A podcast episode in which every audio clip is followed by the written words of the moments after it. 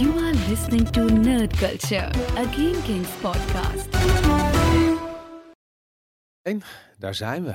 Mhm. En wat wel. zitten we er klaar voor, jongens? Heel erg. Melle Broekmans, back in the house. Dat hij is mijn naam. Melle Broekmans, daar zit hij. JJ zit er ook bij. Ja. Gezelligheid, jongens. Een old school eh, groep van old school Game Kings hier in deze Nerd Culture Post. Realiseren we jullie je wel dat we bij elkaar hier 120 denk ik, plus jaar zijn. 60 jaar aan gamejournalist eh, geschiedenis eh, aan tafel verzameld hebben. Behalve dat ik natuurlijk een recensent ben en geen journalist. Ja, je bent geen journalist. Dat is dus waar. 40 jaar. Een criticus was je toch? Een criticus. Hetzelfde toch? Waarom is, waarom is het erg om een journalist te zijn? Het is niet erg. Ik heb alleen, ik vind het ehm, ingewikkeld dat eh, mensen die journalist zijn zichzelf tegenwoordig heel erg in een hokje. Dus dan ben je opeens sportjournalist of modejournalist. Pretentieuze eikels. Nee, precies van je bent toch gewoon, je bent of journalist of je bent het niet. Ja, En ja ik maar je vind kan dat je- een soort je- specialisme aanbrengen. Ja, nee. ik vind dat heel leuk, maar ik vind dan ben je gewoon journalist die het over een, die een, een bepaald onderwerp doet. Het is natuurlijk een heel erg kleine nuance, is het. Mhm. Ja, maar ik heb het ook altijd bij die de- bij commerciële, zoals eh, gamejournalist. En het is lastig, omdat ik natuurlijk zelf een beetje actief ben in dat segment. Maar als je ook autojournalist hebt, dan verwacht je dat ze langs de A9 in de bosjes Ja. auto's lopen te fotograferen. Kijk, het is een- ja, kijk, een Fiat Panda in het wild. We zien hem nu. Oh, Nee, maar ik 120. vind, ik vind dat er bij journalistiek horen bepaalde dingen. Weet je, bijvoorbeeld dat als je nieuws hebt, dat het van meer dan één bron moet komen. Weet je, dat soort dingen. Dus het is een bepaalde standaard aan journalistiek. Ja. En ik vind dat als je jezelf dat aanmeet, dan moet je ook eh, dat loslaten op je vakgebied, wat dan in dit geval gaming is. Maar het kan helemaal niet in gaming. En ik ben niet, eh, de- dus ik vind mezelf niet een gamejournalist, omdat ik niet op die manier nieuws vergaar. Je kan het toch schaamteloos gebruiken, zo'n label. Je kan toch gewoon zeggen, ik ben een journalist. En dat doet iedereen Ja, ook. bij het, op het kerstdiner met je schoonouders, weet ik veel. Ja, dat, kan, dat kan je toch wel schaamteloos uitgooien. Ik, ik weet dat jij het de hele tijd doet. ja maar Eh, nou ja, goed. Ik ben wel opgeleid als journalist, ik bedoel, laat ik het zo zeggen. Ja, Bij jij- de krant. ik kom echt van de krant. En daar word je ook echt op een gegeven eigenlijk vrij snel gedwongen van wat ga je doen? Ga je sport doen? En als je sport doet, dan mag je ook geen muziek doen. Als je muziek doet, dan mag je geen binnenland of buitenland doen. Dus Ja, maar je ik moet een vind vak dat heel kiezen. raar. Ik vind Ja. dat als je getraind bent om, eh, om, om journalist te zijn, dan kun je dat in principe op heel veel eh, onderwerpen Nee, loslaten. dat is waar. Ik heb ook wel gemixt. En eh, ik vind het altijd, altijd bizar om te horen dat bijvoorbeeld bij de NOS, dan mag je niet langer dan drie, vier, vijf jaar op een standplaats zijn. Bijvoorbeeld als je heel veel van Amerika weet. Ja. En dan op een gegeven moment dan zeggen ze na vijf jaar moet je er weg. En dan ga je naar Duitsland toe. Maar dan moet je alles weer opnieuw opbouwen. Weer een nieuw netwerk opbouwen. De kennis van het land. Dat soort. Maar dan willen ze blijven roleren. En dat zie je wel veel binnen de journalistiek. Dat je van muziek weer naar sport gaat. En van sport weer naar binnenland, buitenland. eh, economie. Het is een beetje hokjes, eh, denk ik. Nou ja, dat klopt. Mijn andere ding is ook dat, dat als ik over een game praat, dan geef ik mijn persoonlijke Ja, mening. nee, ben wat ik ook niet heel erg journalistiek vind. Nee, nee Dus maar dat, dat is dan- dan recensie. ben ik Ja, maar klopt. er bestaat toch niet zoiets als een onafhankelijk feit? Ik, jawel, er zijn gewoon feiten. Er zijn dingen die waar zijn. En dat is, weet je, dat kun je verifiëren. Maar ze zijn toch waar binnen een bepaalde context? En die context breng je aan. Nou ja, goed, weet je, je hebt natuurlijk sowieso Death in Texas. Dus de- weet je, dat zijn Ja, twee maar die zijn dingen die... onvermijdelijk, die zijn niet per se waar. waar. Ja, dat weet je niet. Dat weet je wel. Binnen Heb je, ooit wel eens- con- heb je wel eens geprobeerd geen belasting te betalen of niet dood te gaan? Eh, ik heb wel eens geprobeerd geen belasting. Het is niet gelukt. Nee, ja, nou, dat lijkt me dus vrij... Niet dood te gaan is dat. Eerlijk gezegd, ik heb een aantal keer geprobeerd niet dood te gaan. Dat is toen gelukt. Oké, dus dat is vermijdelijk. Dat is dan dat is er nog maar één over. Meestal was er alcohol in het spel. Ja. Dat, eh, Maar ik heb toch geleerd. De eerste, de eerste dag dat ik de, de Universiteit van Amsterdam binnenliep met, eh met eh, journalist, of, eh, geschiedenis daar studeerde, zeiden ze, het eerste wat ze zeiden, die wordt opgeleid voor werkloosheid. Wat klopt. Met geschiedenis kan je niet zo heel veel, behalve leraar iets is worden. belangrijk. En de tweede was, dames en heren, de waarheid bestaat niet. Ja. Het is eh, wat we denken. Het is een, een, een, eh, jouw argumentatie of, of wat jij denkt, die stukjes haal je naar voren en daar maak je jouw waarheid van. Ja, er zijn natuurlijk feiten, dat klopt. Maar dat is dan geldt dat toch voor de lezer, niet zozeer voor de persoon die dat verhaal opschrijft. Maar je weet nooit de complete context van wat dan ook. Want het is zo moeilijk omdat Nee, dat is waar. Maar dus dan nog. je analyseert. dat- Maar een journalist brengt context aan. ja, toch? context aan. Ja. Ja, Analyse en dan breng je dat als van, nou, ik denk dat dit gebeurd is. Maar je weet nooit 100% zeker wat er gebeurd is. Als ik een spelletje speel en ik heb daar een mening over, dan weet ik zeker dat het. Exact. Maar dat toen, is, ging, ik- toen viel ik van het platform en toen was ik dood. Ja. Ja. jij zegt dat je het feit dat je zijn mening hebt, dat dat, dat dat maar je mening is en niet journalistiek onderbouwd kan zijn. En er is geen horen en wederhoren als het om je mening gaat. Maar wat je ook doet, is je brengt context aan waarbinnen die game eh, gereleased wordt. Ja, maar aan de andere kant zou ik zeggen, mijn mening eh, is misschien waardevol, omdat ik heel veel ervaring heb en eh, heel veel gamegeschiedenis heb meegemaakt. Dat is waarom de context die je aanbreekt waardevol is en goed maar is. dat maakt me nog geen journalist, dat maakt me een criticus. Nou, ik denk, ja. Kijk, het is natuurlijk, dat is, ik vind dat het mooi in open beroepen. Die discussies zijn zinloos bij open Ja. beroepen. En dat heb je ook met fotograaf. Weet je, als jij je iPhone pakt en je maakt een foto, ben je fotograaf. Iedereen is fotograaf. ja, iedereen is fotograaf. Ja, daarom. En ik vind het fijn om een fotograaf te zijn. Maar je bent geen persfotograaf. Maar dat is als Dat jij is dan als je weer Als jij, je het zo'n op GameKings, als jij mijn foto op GameKings.tv zet, ben ik opeens een pers. ja, of ja, en dan heb je zet het op een of andere stocksite of zo. Ja. en dan, eh, ja, dat is waar. Ja. Maar een persfotograaf maakt me goed, gaan wel heel specialistisch. Is natuurlijk, dan maak je het foto wel met een ander doel dan dat je gewoon een mooie plaat wil schieten. maar goed, degene die bij een voetbalwedstrijd de foto's maakt, wil Ja. toch ook een mooie plaat schieten? Ehm, ja, maar hij, En wel- ook nog dat doelpunt. hij krijgt wel al van tevoren de opdrachten van wat een krant wil hebben. Hij weet ook exact wat een bepaalde krant vaker plaatst dan niet. Dat soort mensen werken echt wel met marges.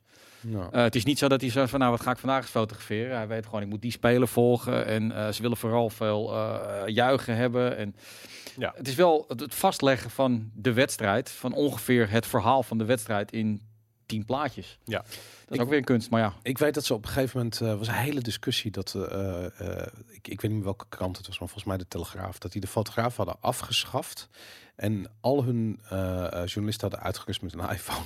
en dat was echt in de tijd van de iPhone 4 of zo, weet ik wel. Ja. Best wel lang geleden. Zoiets van ja, maar die foto's zijn prima voor in de krant. En dat is het ook, weet je. Het is ook prima in, voor in de krant. Kijk, Mhm. ik vind het tof als je zo'n zo'n oude guy op zo'n motor met zes camera's en 30 lenzen om zijn nek eh, ziet rondrijden en als eerste bij de buurt of de brand van de buurt. Ja, maar dat zijn calamiteitenmannetjes. Dat is weer een Ja, ander dat, zijn, dat zijn freelancers inderdaad. Hè. Die Ja. zijn er gewoon als eerste. Ja, Ja, camera, hebben een scanner. Er is ook een heel Ja. mooi verhaal over van een gast, een calamiteitenmannetje, die altijd eh, brandjes eh, fotografeerde en filmde, waarvan later bleek dat hij ze zelf aanstak. Natuurlijk, ja, Ja. dat is bij Dus, gauw eh, business. Ja. ja, dat is een beetje zoals eh, die, die, die Jake, Jake Gyllenhaal film Night Stalker. Dat is weer Ja. een apart slag van. eh de, Ja, die dat was maken gewoon film. materiaal om te verkopen. Nice. Ik wou, ook, ik wou het ook eigenlijk... Mijn stem staat een beetje over, jongens. Ik, ik, ik wou het Jezus, jongen. ik ga het eigenlijk even hebben over, over films. Nee, ik, eh, eh, eh, ik denk dat naast games een van jouw grote liefdes altijd films zijn geweest. Ja, en, En- series ook. Misschien wel meer series de laatste tijd. Ja, nou, dat, ik, ik vind het interessant hoe je daar naartoe bent gegroeid. Want als we eventjes teruggaan, ik denk een jaar of weet ik veel, 15 geleden. Toen had je misschien de Sopranos en Ja. The Wire. En dat was het dan wel. En dat was dan echt een revolutie. Eh, maar ik weet, dat dat heb ik je ook al van beticht, dat eh, eh, jij een soort van geen grotere liefde kon of niks leukers vond dan de meest gore kutfilms uitkijken en dan vervolgens daar een heel onderbouwde mening was van. Ja, is wel goed, want in minuut 57 gebeurt er toch iets wa- wat een twist en dat hebben we nog niet eerder gezien. En ik had echt zoiets van wauw dat je het überhaupt tot minuut 57 volhoudt, weet je. En dat, dat, dat, dat heel lang ben ik echt gefascineerd geweest door, door, door ja, je absorptievermogen voor kutfilms. Ja, wat, wat is dat? Ehm, En niet dat alle films kut zijn, maar gewoon de, hou ik wel gewoon van de zelfpijniging. Ik weet het niet. En Om, omdat zelfs als iets heel slecht is, eh, wil je af en toe nog wel eens iets tegenkomen waar je eh, iets van leert. Of waarvan je denkt van oké, dat ene shot is heel vet. Of wat een interessante plotwending. ja. Dat is heel vaak niet zo. Hm. En het is ook zo dat het natuurlijk, eh, het is een beetje opschepperij dat je kan zeggen van ik was de eerste die in een zee van kutfilms dit pareltje eruit heeft gepakt. Ja, D- dat is natuurlijk wel een ding. Maar dat was wel in een tijd waarin eh, veel films niet in de bioscoop draaiden. Weet je, ik bedoel, in helemaal Amsterdam wordt gedomineerd door Pathé volgens mij. En, ja, de ja, movie. Ja, de- maar dat had je, de Eh, Criterion de Movies en de, nog, nog eentje, ik weet niet. De Centuurbaan City 1, uh, Alhambra? Rialto. Oh, Rialto inderdaad. Ja, Ja, drie van, drie van dat die, is het wel zo. Ja, ongeveer. en die, die draaien nog wel eens wat origineels. Maar in principe moet je alles torrenten. Ja, niet dat ik dat ooit deed, laten we het even duidelijk. Niemand van ons deed het ook, nee. Dus eh, ja, nou, ja, nee, dat is waar. Maar eh, weet je, het is ook dat ik meer naar series ben gegaan, is omdat televisie heel veel beter is geworden. Series zijn beter geworden. Ja, want ik, ik weet namelijk dat, eh, en dat volgens mij is dat nog voor de Sopranos en dat soort dingen, was mijn favoriete televisieserie. En dat is misschien wel nog steeds de Larry Sanders Show. Ja. Dat ging over, dat was met Gary Shandling in de hoofd, hoofdrol. Dat ging over een, een late night talkshow, maar het was achter de schermen. Ja. Dus, en- er zaten ook stukjes in die echt als een late night talkshow waren opgenomen. Dat vond ik echt briljant. Dat is een van mijn, nog steeds een van mijn favoriete. eh, Waarom? Omdat eh, Gary Shandling die omschreef het zelf altijd. Weet je, het gaat niet over showbiz. Het gaat over mensen die van elkaar houden. Maar de showbiz komt ertussen. Oké. En, en het- er zitten zulke absurde dingen in waarvan je ook meteen kan geloven dat het echt waar is. Ja. Dat het, dat het, heel, dat het heel lekker wegkijkt. Dat heb ik altijd met dat soort series. Dat we, eh, als het inside voelt en dat, dat, dat het is gelijk wel een generatieding. Het, eh, ik, ik heb hetzelfde met Seinfeld bijvoorbeeld of ehm, Curb Your Enthusiasm. Dat voel je gewoon van alles. Het is zo, er zit zoveel inside grappen in. Er zijn, ja, Hollywood moet ook gewoon een, een, een scene zijn waar iedereen elkaar kent en iedereen roddels over elkaar hoort. En ik, ik had dat na die, die Harvey Weinstein. Eh, eh, dat, dat, dat dat helemaal ontplofte dat er opeens allerlei referenties uit series over Harvey Weinstein naar buiten kwamen. Die grappen werden al lang gemaakt wat hij aan het uitspoken was. Nou ja, goed, je, je had dat hele, je hebt die serie van, eh, van Billy Eichner, de, de Angry People, Angry, Angry, het heet iets van Angry People of zo. Die was al jarenlang, waren ze die grappen aan het maken Ja. van uh, Weinstein een verkrachter. ja, En daarvoor ook, weet je, dat hele ding met Cosby, dat was ook, dat was zo'n ding, dat wist iedereen wel, maar niemand wilde er eigenlijk over praten. ja. Ja, wat, Tot- Totdat één iemand een grapje maakt op een podium en om een of andere reden dingen aan het rollen gaan. ja. Ja, met, met eh, Weinstein is het die eh, dochter, nee, de zoon van. Dat kwam dan weer uit, eh, uit het huwelijk van Woody Allen of Frank Sinatra met die vrouw. Mia Farrow was Ja. het. En haar zoon is de eerste geweest die al die vrouwen eh on the record eh, heeft aan het praten gekregen over Ja, en- Weinstein. maar dat, kijk, hij is natuurlijk, Ronan Farrow is natuurlijk Ja. een heel interessant geval, omdat ehm eh, Ronan Farrow is een, ja, is, is eigenlijk de zoon van Frank Sinatra. ja, Alleen al is, zegt niemand dat. Iedereen zegt dat hij de zoon is van, eh, volgens mij is het dan Woody Allen waar Mia Ja. Op dat moment mee was. Maar als je naar Ronan Farrow kijkt, dan zie je ook dat hij de zoon is van Frank Sinatra. klopt. Maar daar hebben we het verder niet over. Dus die heeft een heel unieke rol daarin. Nou, vooral plus dat zijn broer natuurlijk mogelijk ook, of nee, zijn- zijn- zijn zijn, eh, zus of zijn broer, die dan weer mogelijk misbruikt is Door dat Woody Allen. door Woody Allen. kijk, Niet alleen, Woody Allen is gewoon getrouwd met een pleegkind van. Ja, ja, ja.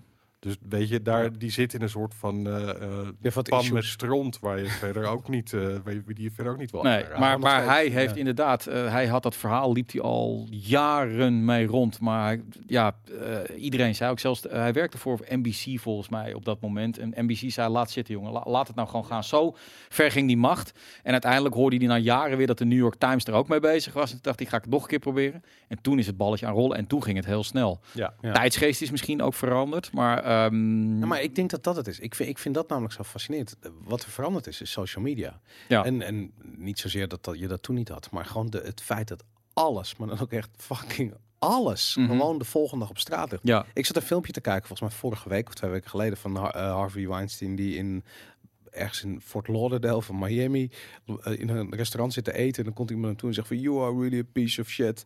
En dan staat hij op en smekt die Harvey Weinstein gewoon vol op zijn buil. En, dat, dat, en zijn vriend filmt dat. Weet Ja. je. dat gaat gewoon direct De wereld op, ja. dan heb je het over de guy die vroeger de bijnaam de Terminator had. Dus dan, Ja. hè, dat Ja, nou, maar dat, moet je maar dat- net zin in hebben. Ja, Nou ja, de ouderwetse media, die, kan je, die, die kon je in de macht houden. Dat was op zich niet zo moeilijk. Dat was gewoon een kwestie van eh, het is ook- de directeur bellen en zeggen van ik adverteer niet meer. Alle films adverteren niet meer bij je in de krant. Nou, dan eh, werd er al van Nee, maar dat is ook waar. Maar er zijn ook, weet je, het is een heel erg complexe situatie. Omdat, zeker als je bijvoorbeeld kijkt naar Bill Cosby, is dat, die- de- weet je, dat verhaal van Bill Cosby was al een hele tijd bekend. Ja, Ehm, op Niet bij het- mij. Op het Ik ben moment, op wel, het moment dat een zwarte eh, comedian op een podium daar een grap over Ja. maakt, dan denkt iedereen opeens, oké, nu mogen we er iets over zeggen. ja. Ja. Als een blanke dat had gedaan, dan was het, en zeker in Amerika, waar ras een, een heel erg complex iets is. Zeker. ja.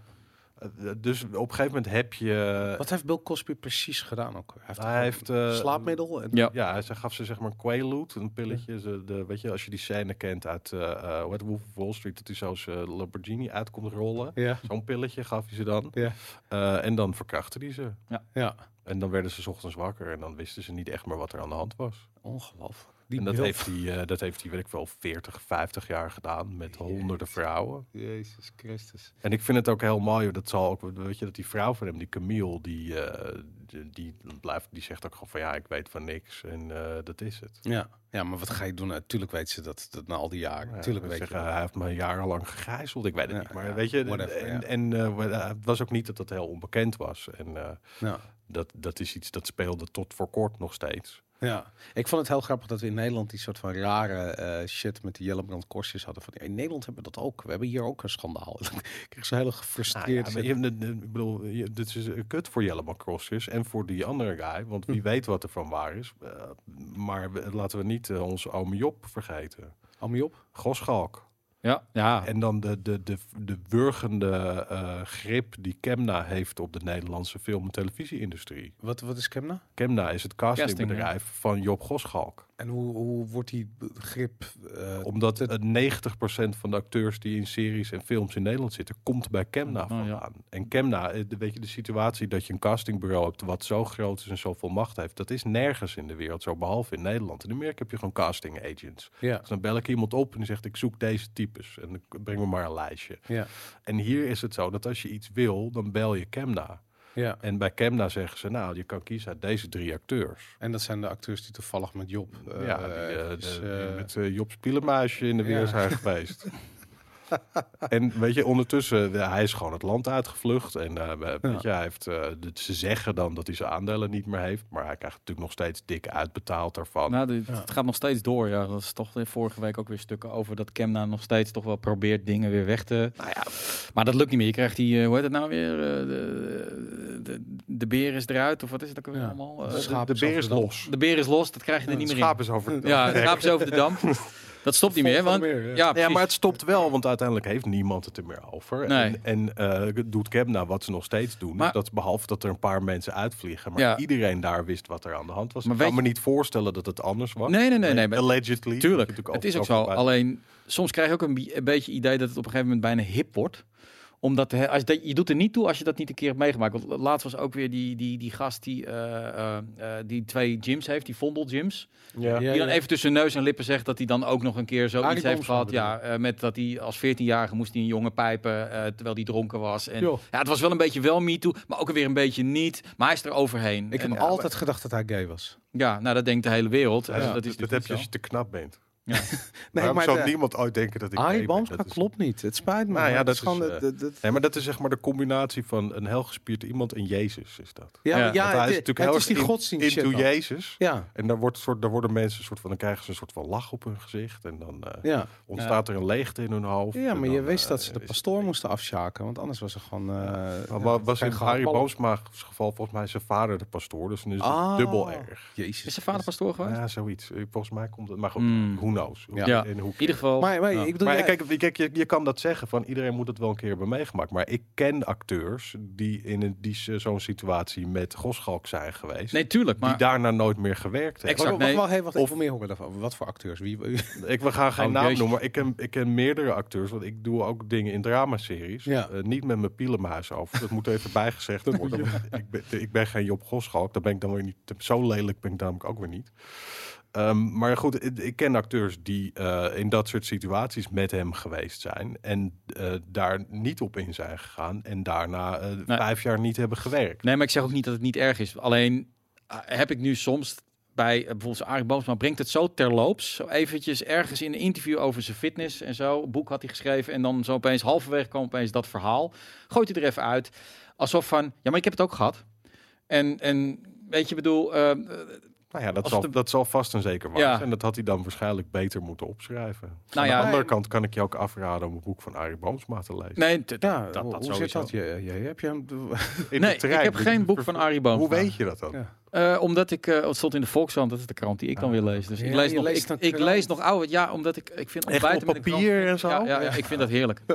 En wat doe je er dan mee? Heb je niet zo'n stapel Eh, een kat- kattenbak. Katten. Kattenbak. je? Ja, nee, de kattenbak. Ik heb mijn iPad erin gelegd, maar dat werkt toch niet heel Nee. goed. Nee, de- dus nee, maar ik vind echt, ik kan heel moeilijk ontbijten als ik geen krant heb. Ja. Ik, dat is bij mij zo Het gaat niet wat erin staat, het is gewoon het gebruik. Ja.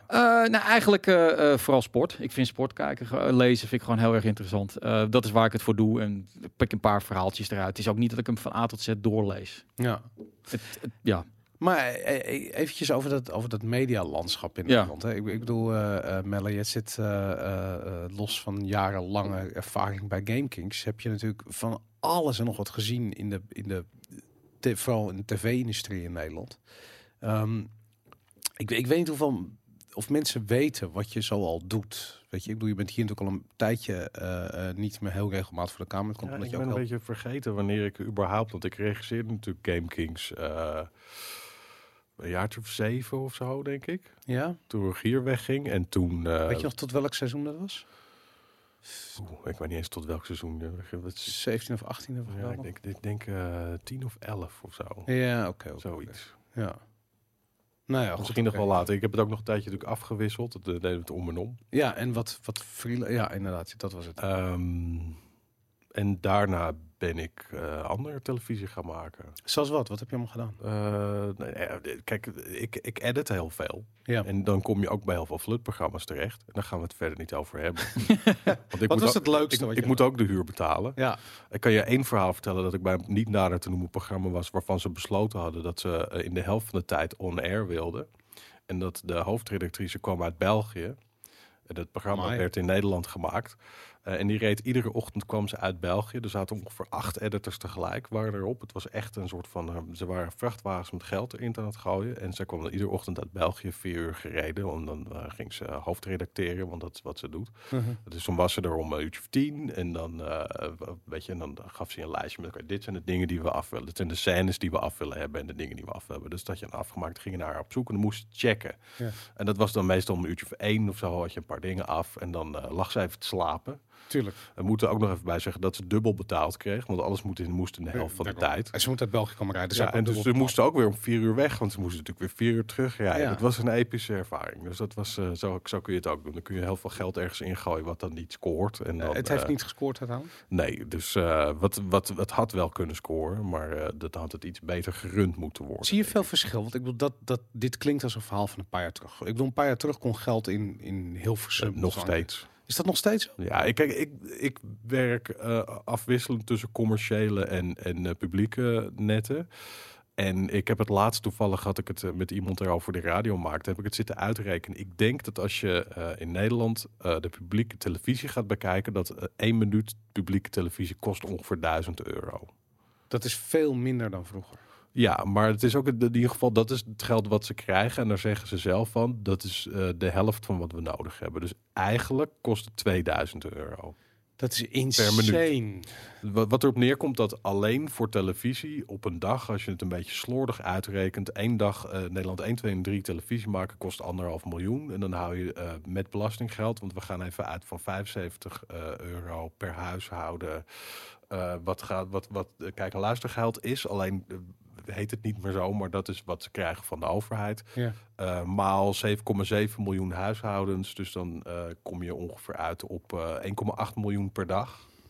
Voor de publieke omroepen plus zes radiostations. ja, het is iets van 600 miljoen per jaar, weet, ik- weet ik dat er. Ja, en de radio is de relatief goedkoper om te maken, behalve als je een commerciële zender bent, want dan moet je een frequentie kopen. En een frequentie is ontzettend duur. Ja. Maar als je publieke omroep bent, krijg je je frequentie gratis van de overheid. Dus dat is, ja, dus En je internet krijg je ook gratis. alles. Maar eh, weet je, als jij een commercieel radio-omroep doet, dan, eh, dan, dan runt, dan betaal je voor, eh, laten we zeggen, 10 jaar een radiofrequentie betaal je 80 miljoen euro. ja. Ish. Hey, maar hoe zie jij de ontwikkeling op tv? Ik bedoel, wij, zijn, we hebben onlangs besloten om niet meer, of onlangs al een tijdje terug, om niet meer Game Kings op televisie te maken. Eigenlijk omdat we zagen dat ehm, eh, eh, onder onze doelgroep tv kijken exponentieel afnam. Ehm, ik zag laatst dat Omroep Max de best bekeken televisieomroep is. Ja, Ja. Ehm, vind ik helemaal niet verbazingwekkend. Weet je Nee, wat de het- gemiddelde leeftijd is van de NPO-kijker? 68 of zoiets was het? Hij zit wel in de buurt. 63. 58. 58. 58 is de gemiddelde leeftijd inmiddels eh, van de, eh, de kijker van NPO 1, 2 en 3. En onlangs hebben ze ook besloten dat ze niet meer geforceerd op jongeren gaan richten. Dat, die strijd hebben ze opgegeven. Maar goed, ik vind dat heel logisch, want uh, er zijn heel veel babyboomers. Ja, ja, nee, en behalve tuurlijk, tuurlijk. dat die de wereld kapot maken, Ja. kijken ze ook graag televisie. Ja. En Mijn moeder kijkt kijken heel graag want- televisie. Ja, en, eh, en maakt waarschijnlijk ook de wereld kapot. Het spijt Dus me, die, jij die, die, mensen nemen televisie letterlijk mee hun graf in. Ja. Die hele generatie. Ja. Nou ja, maar kijk, dat, dat is namelijk het ding. Want er is een soort van... ehm, wat ik denk van media is dat, dat eh, televisie is, is een manier om dingen te consumeren. Ja. Maar wat belangrijk is, is de kwaliteit van de programma's die gemaakt worden. Niet hoe je ze kijkt. Ja. Dus weet je, je kan zeggen televisie is dood bijvoorbeeld. Maar Ja. dat is het niet. Het is, weet je, het is het medium wordt anders. Maar de, de, de content is, blijft nog steeds king. Ja, Mhm. maar, maar da- daarom vind ik het zo opvallend dat we, eh, zo begon dit onderwerp een beetje, dat jij zei van, als je het over een serie hebt, dat je het over hebt over een tv-serie. En ik vond het grappig, omdat ik, voor mij is het helemaal niet een tv-serie. Voor mij is een serie is een serie. Ik kijk niks op tv. Nee, oké, maar dat is omdat als ik, weet je wat het dan in dit geval toevallig, eh, had ik het specifiek over Larry Sanders. En dat heb ik gezien op de BBC eh 25 jaar geleden. Ja, sitcom dat, dat was, ja, dat, weet je, dat ja. was op televisie. Toen Ja. bestond internet nog niet. Ja, En ik weet wel dat het moment dat The Wire uitkwam, dat was een beetje het omslagpunt waarin ik echt eh, dingen online ging kijken, omdat het niet te vinden was in Nederland. ja. En de Sopranos net zo, omdat dat werd uitgezonden, maar dan om één uur s'nachts op NPO 3 of zo. Ik heb de Sopranos nooit op tv gekeken. Het Ik was toen al aan het downloaden. Je downloadde Ja. dat elke dag en dan Mhm. het drie maanden later een keer op tv. Maar Ja, en niet meer. Toen dacht ik al, als er een service was geweest waar ik mijn kijken luistergeld kan dumpen en dat ook kan zien, dan ben ik daar helemaal voor. Het is niet dat ik heel graag wil downloaden, het is dat ik heel graag eh, al dingen wil zien en daar wil ik ook wel best voor betalen. En dat wil volgens mij willen heel veel mensen Ja. dat. Het is toch fascinerend als je dat ziet, hoe Netflix HBO heeft ingehaald. HBO had een monopolie op kwaliteitsseries. het geld wat zij in productie staken, dat was ongekend. Weet je, zeker in die periode, The Wire, The Sopranos, dat was zo fucking goed. Ja, maar kijk, het is meer, kijk, Netflix heeft heel veel. Maar HBO heeft niet heel veel, maar wat ze hebben is van heel erg hoge kwaliteit. Ja, maar het is niet allemaal Sopranos, The Wire kwaliteit. Nou, Eh, ik de Game of. Thrones, eh, dat, dat zijn de toppers, maar Ik heb Game of Thrones. Ik zit met heel veel plezier, kijk ik nu Barry, wat nieuw is op HBO. ja. Dat is Eh, en dat is beter dan de gemiddelde serie die ik op Netflix tegenkom. Nou, ik weet dat ze op een gegeven moment zich realiseerden van we hebben meer serie content nodig op HBO. En toen kreeg je van die dingen als, eh, weet je nog, die, die, die, die mormonen eh, toestand, True Blood of zoiets. ja, dat, ja, nee, nou? dat, dat is die vampier ding. Ja, ja, de, de nee. Mormonen was ja, goed, met met, blood, met Bill Paxton. en blood, en, weet ja, veel, ja. Nou, True, True Love of zo, met die Sister Wives. Dat, ja, Ja, die shit. En ik weet dat ik het gekeken had en dat ik het heel eventjes leuk vond. En toen we al heel snel klaar mee was. En gelijk in die periode kwamen er series op andere zenders. Dus al die zenders hadden door van ja, wij kunnen ook wel best wel een kwaliteitsserie maken. Toen kreeg je Showtime, die kwam met, met Weeds aanzetten. Waar ik gewoon, volgens mij was dat ook nog een tip van jou. Dat, dat je uh, zat zei al die kutseries te kijken. Je die zat iets die dat leuk was. leuk was. Eh, maar ook die eh, Six Feet Under. Ik, en dat was mij ook, dat was niet de HBO-serie volgens mij. Dat was iets- Nee, dat is, eh, nee, volgens mij Six Feet Under wel HBO. Oké, ja, Ja. Nou, die, die, die vond ik nog wel goed dan. Dat was wel. Ja, maar dat is ook dat is een hele populaire serie. Maar kijk, ik denk dat, dat wat HBO gedaan heeft met de Sopranos. En ik zeg niet dat daarvoor geen goede televisie was, want het is duidelijk niet waar, omdat mijn Mm. favoriete serie van daarvoor is. Ja. wel van HBO overigens. Ja. Is dat, dat het heeft een kickstart gegeven aan wat, wat nu eh, genoemd wordt de gouden tijd van eh, het gouden echt golden age of television. ja. Dus er Nu zijn. zitten we in de Golden Age of Television. Ja, maar dat is natuurlijk dankzij series als The Sopranos eh, Ja. en The Wire en dat soort dingen is dat opgekomen. Maar- mensen zagen dat je ook televisie kon maken op een andere manier dan The Mystery of the Week of whatever. Weet Ja. je, de, En, en consumenten die betalen voor content. Ik bedoel, dat is de Ja. grote revolutie. ja, kijk, HBO heeft natuurlijk altijd een heel erg unieke positie gehad. Want die eh, hebben abonnees, maar die abonnees die zijn er voor het boksen en voor de sport. nee, maar dat was wat Mhm. in Twitter tegenhield. Netflix had zoiets van, fuck het, we rekenen wel zelf af. Ja, maar kijk, daar, kijken. het voordeel, HBO heeft gewoon een aantal eh, mensen eh, die, die zijn lid daarvan. En Mhm. eh, die hebben, de, hun voordeel is altijd geweest, eh, of hun, hun stelling is altijd geweest, we hoeven geen kijkers, maar we willen wel prijzen winnen. Dus alle series die ze maken, daar moet je Emmys mee winnen of eh, Golden Globes HBO. whatever. HBO Ja. heeft dat. En dat maakt me niet uit of er maar drie mensen kijken. Wij willen kunnen zeggen, dit is een Emmy weer in de winnende serie. Ja. Deze acteur heeft een Golden Globe gehad voor deze rol. Dat is altijd hun ding geweest, want ze, ze, ze teren op de sport. Ja. En daarnaast hebben ze series eh, die heel veel geld kosten. Dat betalen ze van die sport, want daar zijn de meeste abonnees voor. Eh, maar dat zijn wel allemaal prijzenwinnende series. Ja. Dus dat is hun ding geweest. Dus zij dat- kunnen altijd zeggen, wij zijn een, een, zijn een, een netwerk wat, eh, wat prijzen wint. Wij maken extreem goede content. En het is dan misschien niet heel veel, maar kijk, kijk die rij met Emmys die er staat. Nou, ik vind het heel interessant, omdat als je, naar, als je kijkt naar... ehm, kijk, veel mensen denken dat eh, bijvoorbeeld Sopranos er zomaar was. Maar er ging aan de Sopranos een hele eh, zooi aan producties vooraf. En dat heeft bijvoorbeeld... eh, je had ehm, eh, eh, Law and Order eh, in New York. Eh, daar is heel veel acteurs eh, van de Sopranos komen terug in Law and Order. Ja, maar dat zegt niet zoveel. Want als je, als je voor de grap eens een acteur googelt, heb je volgens mij 95% kans dat hij ooit eens in Law and Order heeft Ja, nou dat snap ik. Maar de, de ehm, eh, eh, hoe heet het? Eh, en er was een andere serie die vooraf ging aan The Wire. En The Wire en eh, Sopranos hebben Ja, veel met... Oz. Hoe heet die? Oz. Oz. Ja, de gevangenisserie is dat. Nee, ook. nee, nee, dat bedoel ik niet. Een andere Wat? politieserie. Ah, Oké, ja, Homicide, Live on Oh, the Street. Dat was het Homicide Live ja, on the Street. maar dat is David Simon, die ook The Ja. Wire heeft gemaakt. En die, heeft Ja. ook de, die, die was eh, journalist en die heeft dat weer op een boek gebaseerd. Wat over Homicide vond ik ook een hele eh, fijne serie. Ja, ik vond het niet zo goed wegkijken als The Wire. Nee, maar de grap is dat ik het heb gezien voordat ik The Wire zag. En dan kijk je er anders naar. dan is het tof inderdaad, ja. ja. Want dat werd ook op de BBC laat eh, uitgezonden. En dan eh bleef Ja. ik altijd wel hangen. Hey, en wat eh, waar ik eigenlijk eh, na- naartoe wou, was dat je aan de ene kant een rare situatie hebt dat televisie aan het sterven is. En aan de andere kant dat we in de golden age of television zitten. Nou ja, omdat ik denk dat, eh, weet je, Netflix is een televisiestation. Ja. Alleen eh, kijk je het, eh, betaal je ervoor en, en ontvang je het anders. Ja, Als tv kijken. ja. En dat is net zo goed met HBO Go en dat soort dingen. Weet je, de, ik heb ook een Amazon abonnement. Daar staat helaas nog niet zo heel veel op.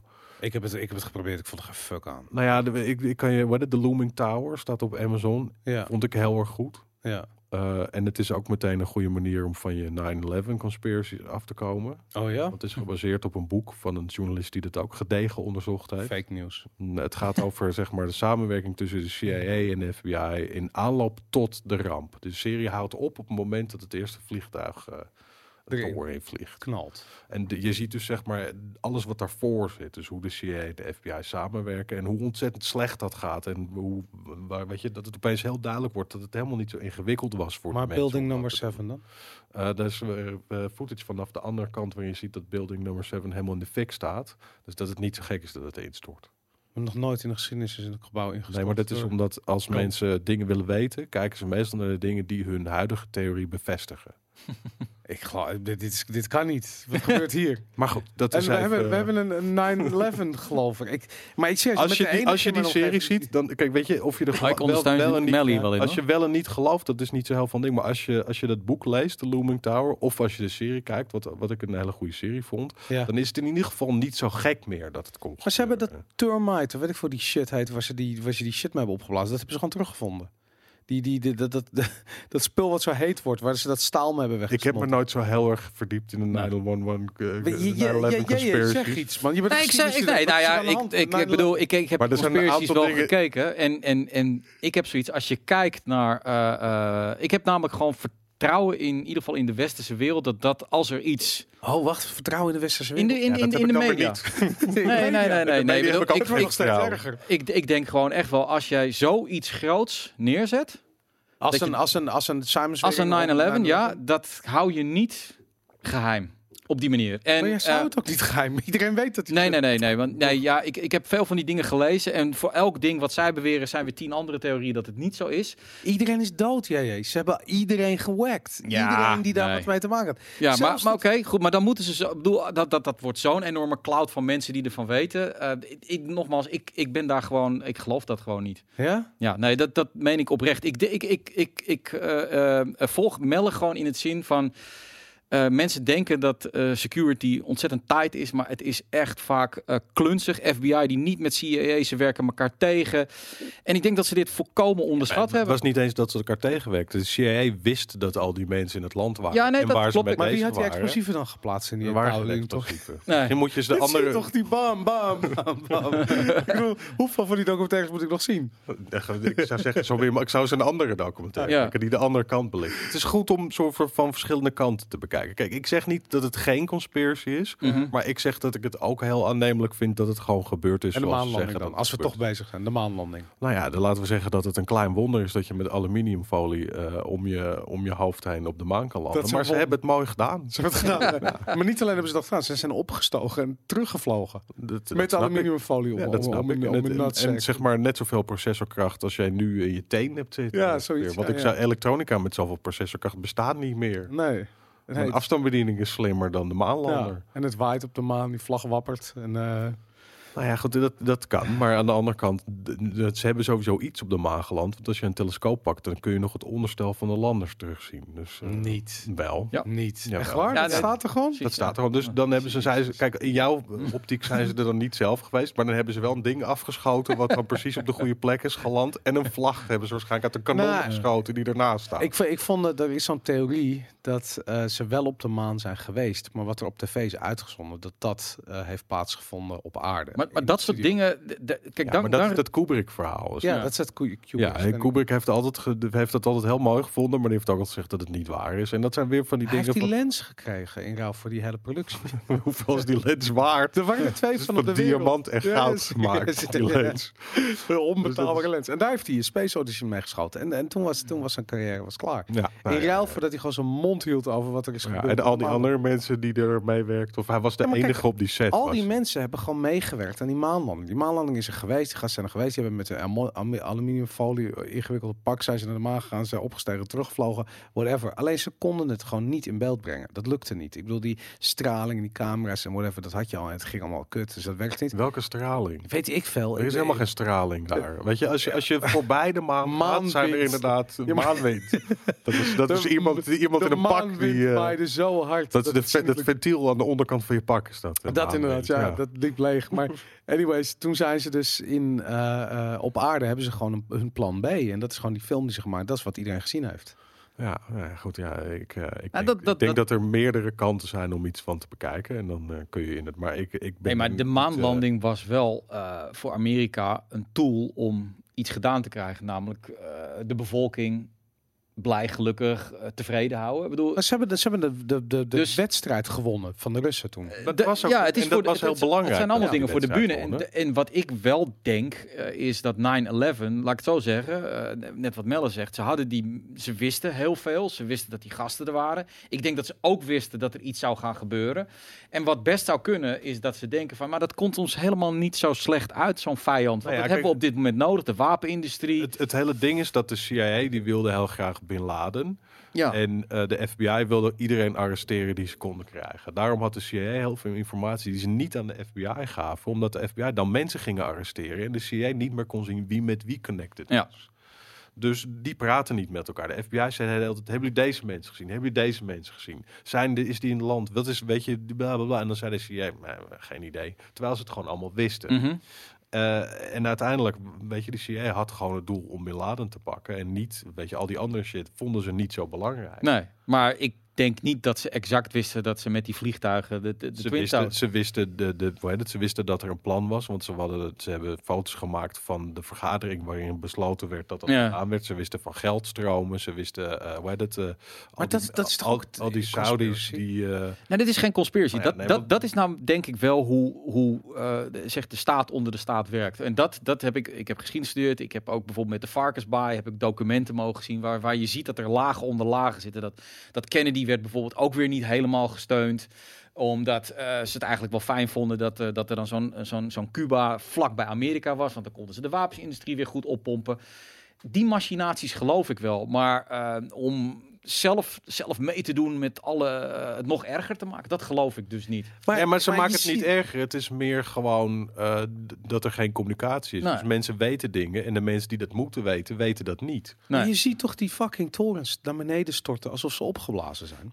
De Ja. enige plek waar je dat ziet is als ze zo'n gebouw opblazen. En dan is het eh, iedereen stil en dan 10, 9, 8. En dan stort dat gebouw precies in Ja, zoals maar jij hebt het 9/11. heel tijd over Building 7. Nee, nee, nee. Dat, de torens gingen ook zo. Ja. Ja, dat nee. snap ik. De dat- torens zijn in vrije val naar beneden. Het, Laten we, laten het een geluk, geluk bij een ongeluk noemen. Nee. Want als die waren omgevallen, dan waren er nog meer mensen dood gegaan. Nee, maar ik kom op. Dit viel niet om. Kijk, ik, ik ben geen bouwkundig ingenieur Nee. en ik ben geen natuurkundige. Sommige dus dingen ik kun je niet verklaren. Ja, maar dat is wel interessant, want er zijn namelijk bouwkundige ingenieurs die zich bezighouden met eh, eh, via explosieve, eh, explosive demolition experts. En er was zelfs een Nederlander bij die op eh, verdachte wijze bij een auto-ongeluk om het leven is gekomen. Ja, waarschijnlijk Ehm, omdat hij conspiracy theories op zijn telefoon Nee, lezen nee, ze- ze- sloeg je over de kop. Maar de, de bizar, ze hebben hem, en dat was in twee vandaag, hebben ze hem beelden laten zien van die eh, eh, gebouwen die instortten. En hij zei van, nou, we willen je even dit laten zien. En zei hij van, nou, dit is een controlled demolition, zei hij. Hij wist niet waar hij naar zei, dit is een controlled demolition. En ze hadden wat nieuwe angles gevonden, weet ik veel wat. Hij zei van, nou, dit is gewoon opgeblazen. Het is wekenwerk. En toen zei ze van, nou, maar dit is 9-11.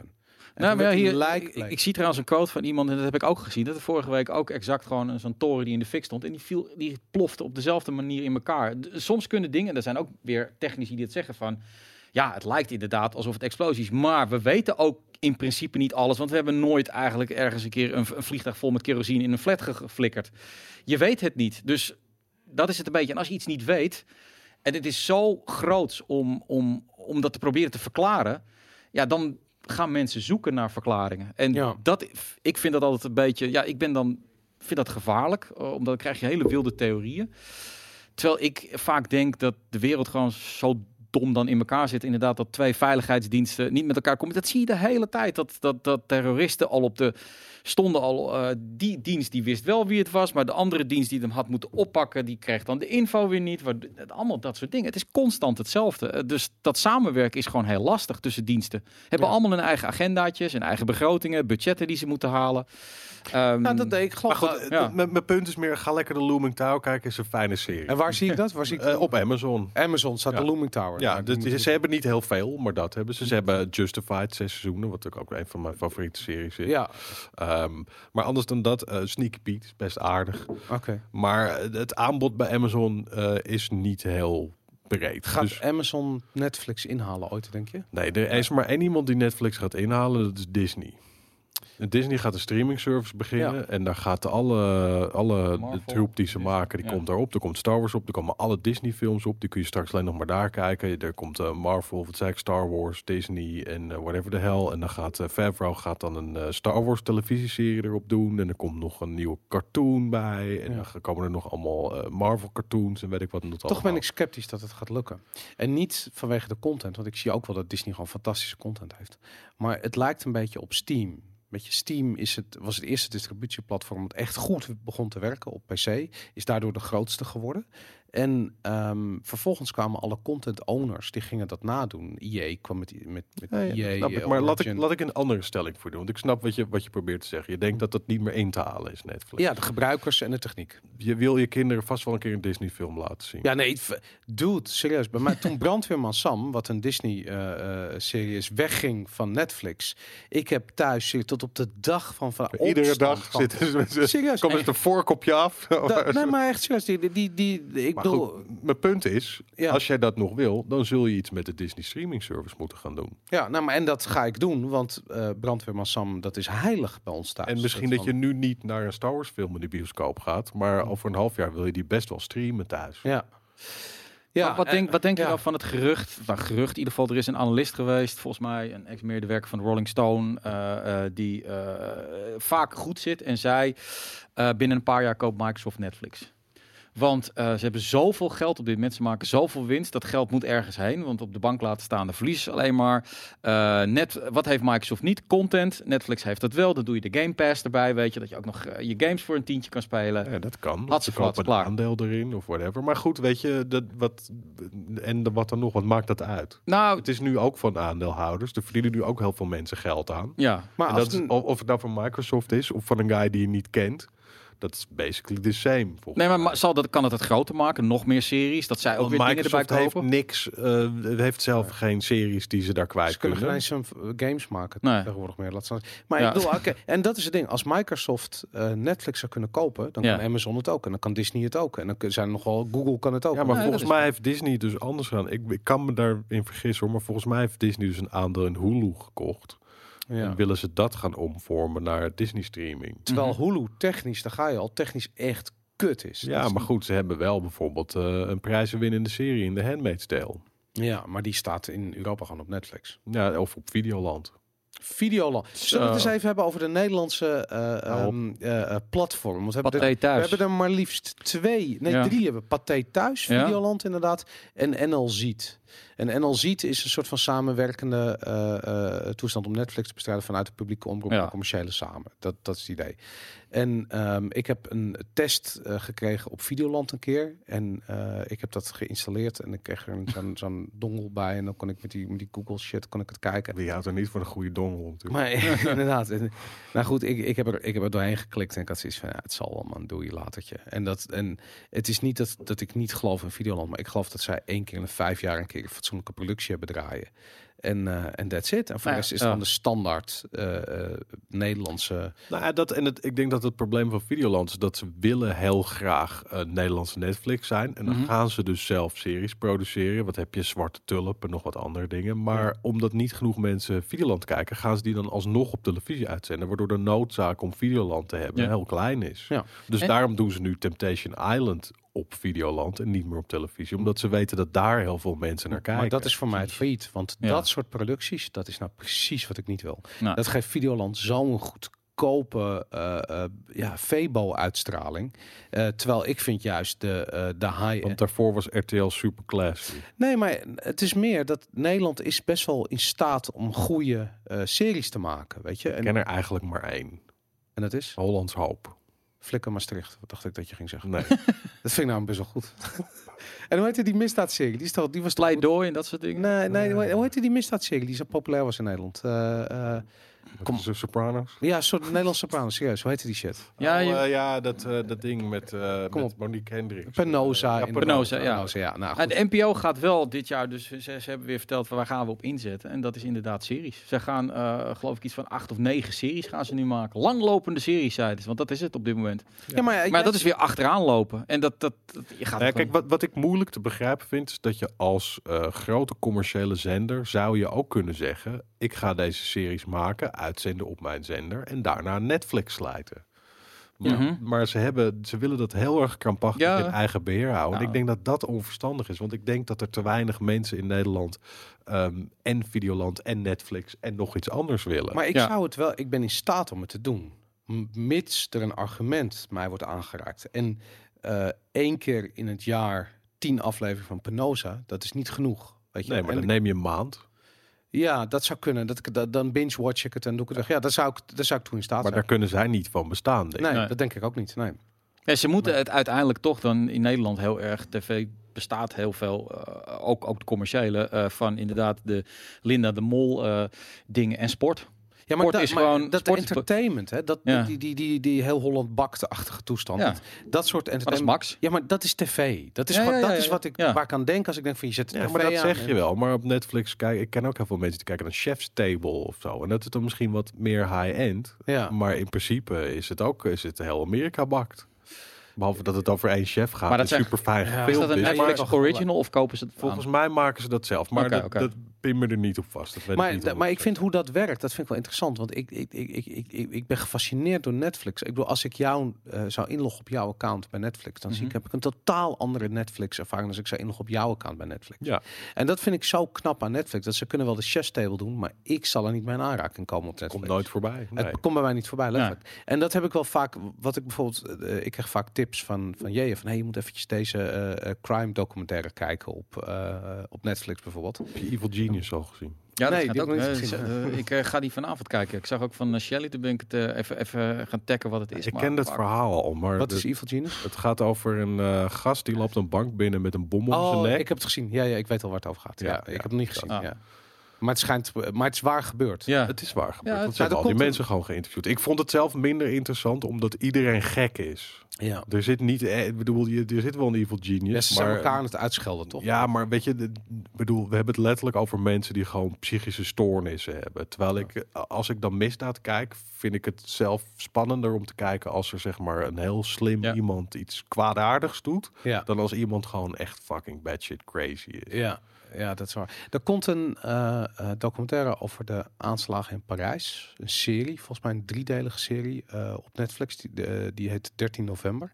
En die komt in juni, zag ik. Ehm, en daar heb ik echt hele hoge verwachtingen van. Want het schijnt wat ze gedaan hebben, schijnt echt next level te zijn. Maar goed, er- ja, we gaan het zien. Maar dat, Nou ja, is het een Franse productie? eh, ja, het is een Franse Want productie. de Fransen weten ook wel hoe ze tv moeten maken. Maar dat vind ik ook niet. Ik heb dankzij Netflix heb ik een aantal series gezien eh, eh, die ik waar ik nooit mee in aanraking zijn gekomen. Bijvoorbeeld de Australische, of sorry, de, de Franse serie Cannabis, Hm. uh, Ja. Cannabis. ik weet niet hoe je het in het Frans zegt. Een soort soort La Hen, maar dan de serie vond ik echt fucking sterk. Israëlische serie heet Fauda, die gaat over Ja. eh, de Mossad, eh, Mossad acties. Ehm, en eh, wat was er nou nog meer? Ik had, ik had nog zo'n zo'n zo'n Oh, de, de Bridge natuurlijk. De Ja. Zweedse. Zwe- en dat zijn producties waarvan ik zoiets heb van ja, ik zou dat nooit gaan kijken. En op een of andere manier, de, de manier waarop Netflix het me presenteert, gewoon heel ja, terloops eigenlijk van hey, zou dit niet wat zijn? Weet je, op basis van dat je dat en dat en dat, wat ik tof vond, heb gezien, probeer dit eens. Nou, en dan kijk ik nog. dat lukt bij mij helemaal bijna nooit. Ik Nee? denk dat ik één keer een Franse serie per ongeluk ben tegengekomen. Die heet, eh, de Engelse vertaling was Call My Agent. Het gaat over mensen die management doen voor acteurs. Ja. Eh, volgens mij is de Franse de versie heet eh, eh, 10%, maar dan in het Frans vertaald. Google Translate het even, zou ik zeggen. Eh, die kwam ik diep pros. Ja, nou, ongeveer. Maar Frans is zelfs slecht. Ik durf er niet aan. Maar eh, dat is volgens mij de enige serie waar ik per ongeluk ingerold ben die ik heel leuk vond.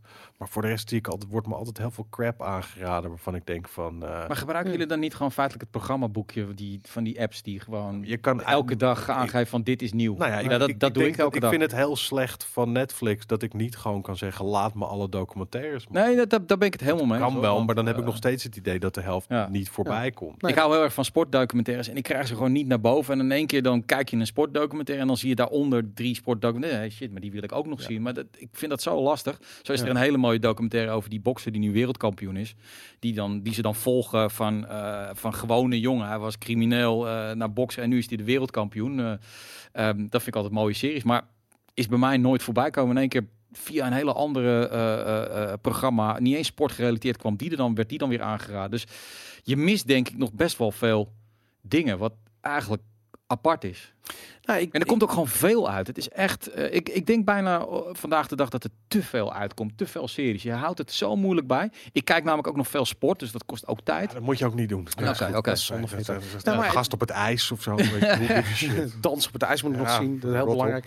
Maar die, ehm, eh, dat, dat, dat, dat er veel uitkomt. Dat de, als, ze, als ik een lijst zou hebben van alles wat ik nog moet kijken op Netflix, dan zou ik gestrest van raken. Ja, nee, dat, dat bedoel ik. Ja, maar nu, ik, ik Hou jij er- dat niet bij? Ik heb Nee. dan mijn lijst. Oh nee, dat heb Nee, ik ik, doe Ja. wel af en toe van, hey, dit moet ik nog zien. Finky. Nee, maar Ja. dat, dat, dat, dat zie ik wel. Maar ik, ik ga niet zoiets van, nou, ik ga vanavond lekker Netflix kijken. Nee, ik kijk het in de trein of ik Ja. kijk als ik toevallig tijd heb. of Whatever, weet je. Ik ben er niet mee bezig op die manier. Nee. Maar zo zie ik wel de, de, de leukste dingen. Maar eh, eh, dat Sopranos gevoel, hè? Dat, dat, dat Breaking Bad gevoel van oh, wanneer komt er, wanneer kan heb ik weer vijf minuten tijd om meer te kijken van die Ja.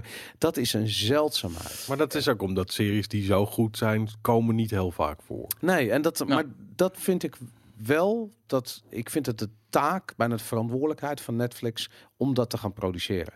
Om mensen aan het werk te zetten om dat te, te produceren, dat soort shit. Het Maar gevaar dat, is is, dat ze niet doen. Bij Netflix kijkt wat scoort er en daar maken ze meer van. Ja, Ja. nou en wat kunnen we goedkoop krijgen? Want ik weet bijvoorbeeld, eh, eh, ik heb een keertje gehoord dat zij eh, bijvoorbeeld voor Nederlandse series echt geen fucking moer betalen. Nee, Echt. maar dat zie je toch ook. Als er, soms heb je van die, de, meestal komt volgens mij op vrijdag komen er nieuwe dingen. En dan ga je Mhm. dus kijken van wat is er allemaal nieuw. En dan zie je, oh nou, ze hebben een vrachtwagen Spaanse series gekocht. Die ga ik allemaal niet Ja. kijken. Jammer. Ja. Ja, indie ja, ja, eh, dat- Bollywood dat zal wel lekker Bollywood verkopen. Ja, dat soort dingen. Ze kopen gewoon heel veel. Maar ze- en ik- dat zetten ze er gewoon op. En Ja. uiteindelijk komt er wel iemand naar kijken en verdient zijn geld wat. Ja. Maar ik, ik weet niet de kijkcijfers of zo, maar ik vraag me af Niemand of... weet dat. eh, nee, maar dat, eh, ik, ik heb het idee dat we Ik weet wel de- wat. ik, ik weet dat we niet dezelfde smaak hebben, maar wel dat we wat, zeg maar, eh, de, de wat, wat betere kwaliteit proberen te kennen, wat meer diepgang. Maar mijn vriendin bijvoorbeeld, die heeft echt een shitload aan die Lucifer-achtige series. Ja, nou ja, dat, ja. Dat zit er helemaal vol mee. En dat, ik denk dat ze daar Ja, meer mee zijn scoren. Al die CWDC-series staan er inderdaad op. Ja. En dat soort dingen. En, eh, En, dat, en ik denk dat dat beter bekeken wordt. Dat ze daar meer mensen mee trekken dan bijvoorbeeld die hele hoge kwaliteits. Nou ja, dat net, weet je, 13 Reasons Why, dat soort dingen. Ja. Hoort heel goed. Er is dat soort dingen. Ik, ik, Stranger ik, Things. ik heb om mezelf te pesten, heb ik Dear White People gekeken. en 13 Reasons Why. En 13 Reasons Why, dat, dat is echt de Want je dacht, ik heb wat tijd over. Ja, ik heb eens, het, eh, ja, maar dat is dan raar. Dan kom ik dan weer, omdat lees ik altijd, nou, toch even kijken waar 13 Reasons Why. En ik, nou, ik, ik, ik wou mezelf ook ophangen toen ik dat zat te kijken. Ik had zoiets van, dat was niet te hachelen. Nee. Wat een fucking millennial tyfusbende dat was. Maar ik, wil- ik wil heel eventjes kijken. De, eh, ik, ik heb wat cijfers opgezocht van wat Netflix. ehm ja, zal dat, we- weet jullie wat de populairste streamingdag is van het jaar voor Netflix? 1 april. Eh, ik- Bijna. Close, close. ja, ik, ik zat dan bijvoorbeeld te denken aan eh 1 januari of Ja, zo. Tere- inderdaad, 1 Bam, januari. ja, Hop, met in bed. Wat is het? eh, ehm, eh, welk land heeft de meeste Netflix-kijkers die elke dag kijken? Dat zal Amerika wel zijn, want er wonen heel veel mensen. Nee, ne- Mexico. Ah, oké. Ja. En Mexico is wel echt, eh, ja, dit zijn binge-kijkers. Veel soaps. Maar en misschien staan er wel heel veel telenovelas op Ja. eh, de Nou, Mexicaanse ik- Netflix. En eh, eh, hoe heet het? Narcos natuurlijk. Ja, ja. Erg populair in Mexico. Ehm, even kijken, er wordt eh, 140 miljoen uur Netflix gekeken elke dag. 140 miljoen uur. Er Maar wordt hoeveel één, abonnees hebben ze? eh, dat zeggen ze niet. Dat, maar daar ben ik, ik, ik kan wel je vertellen dat, ze 1 miljard, dat er 1 miljard uur Netflix wordt gekeken in de week.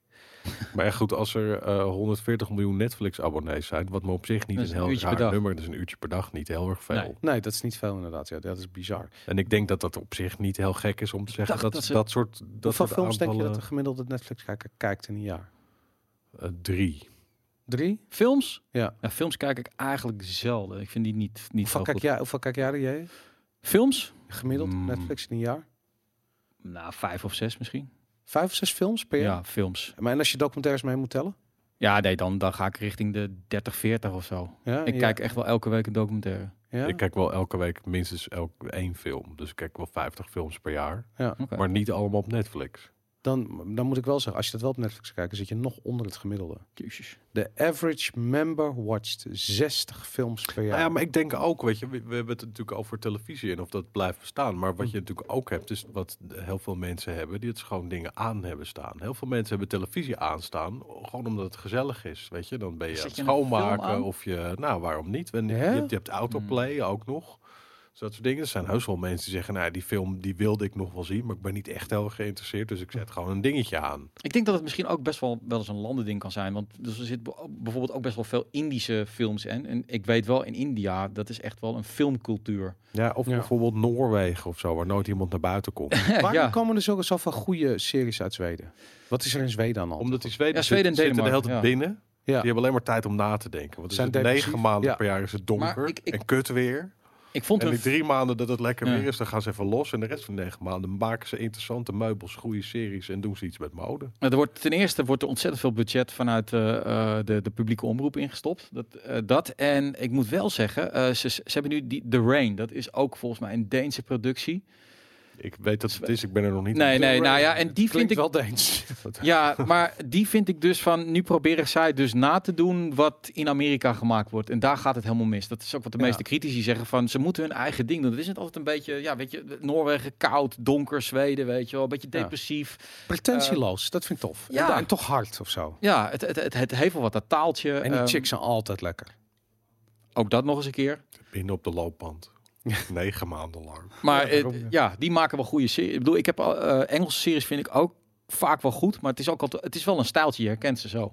Ja, maar ik heb bij Engelse series heb ik heel vaak dat ik vind dat het minder lekker gefilmd is of zo. Ja, Al moet ik wel zeggen, er is een nieuwe serie op, eh, die wordt in Amerika op BBC America uitgezonden, Killing Eve. Dat is denk ik op dit moment een van mijn favoriete series. oké.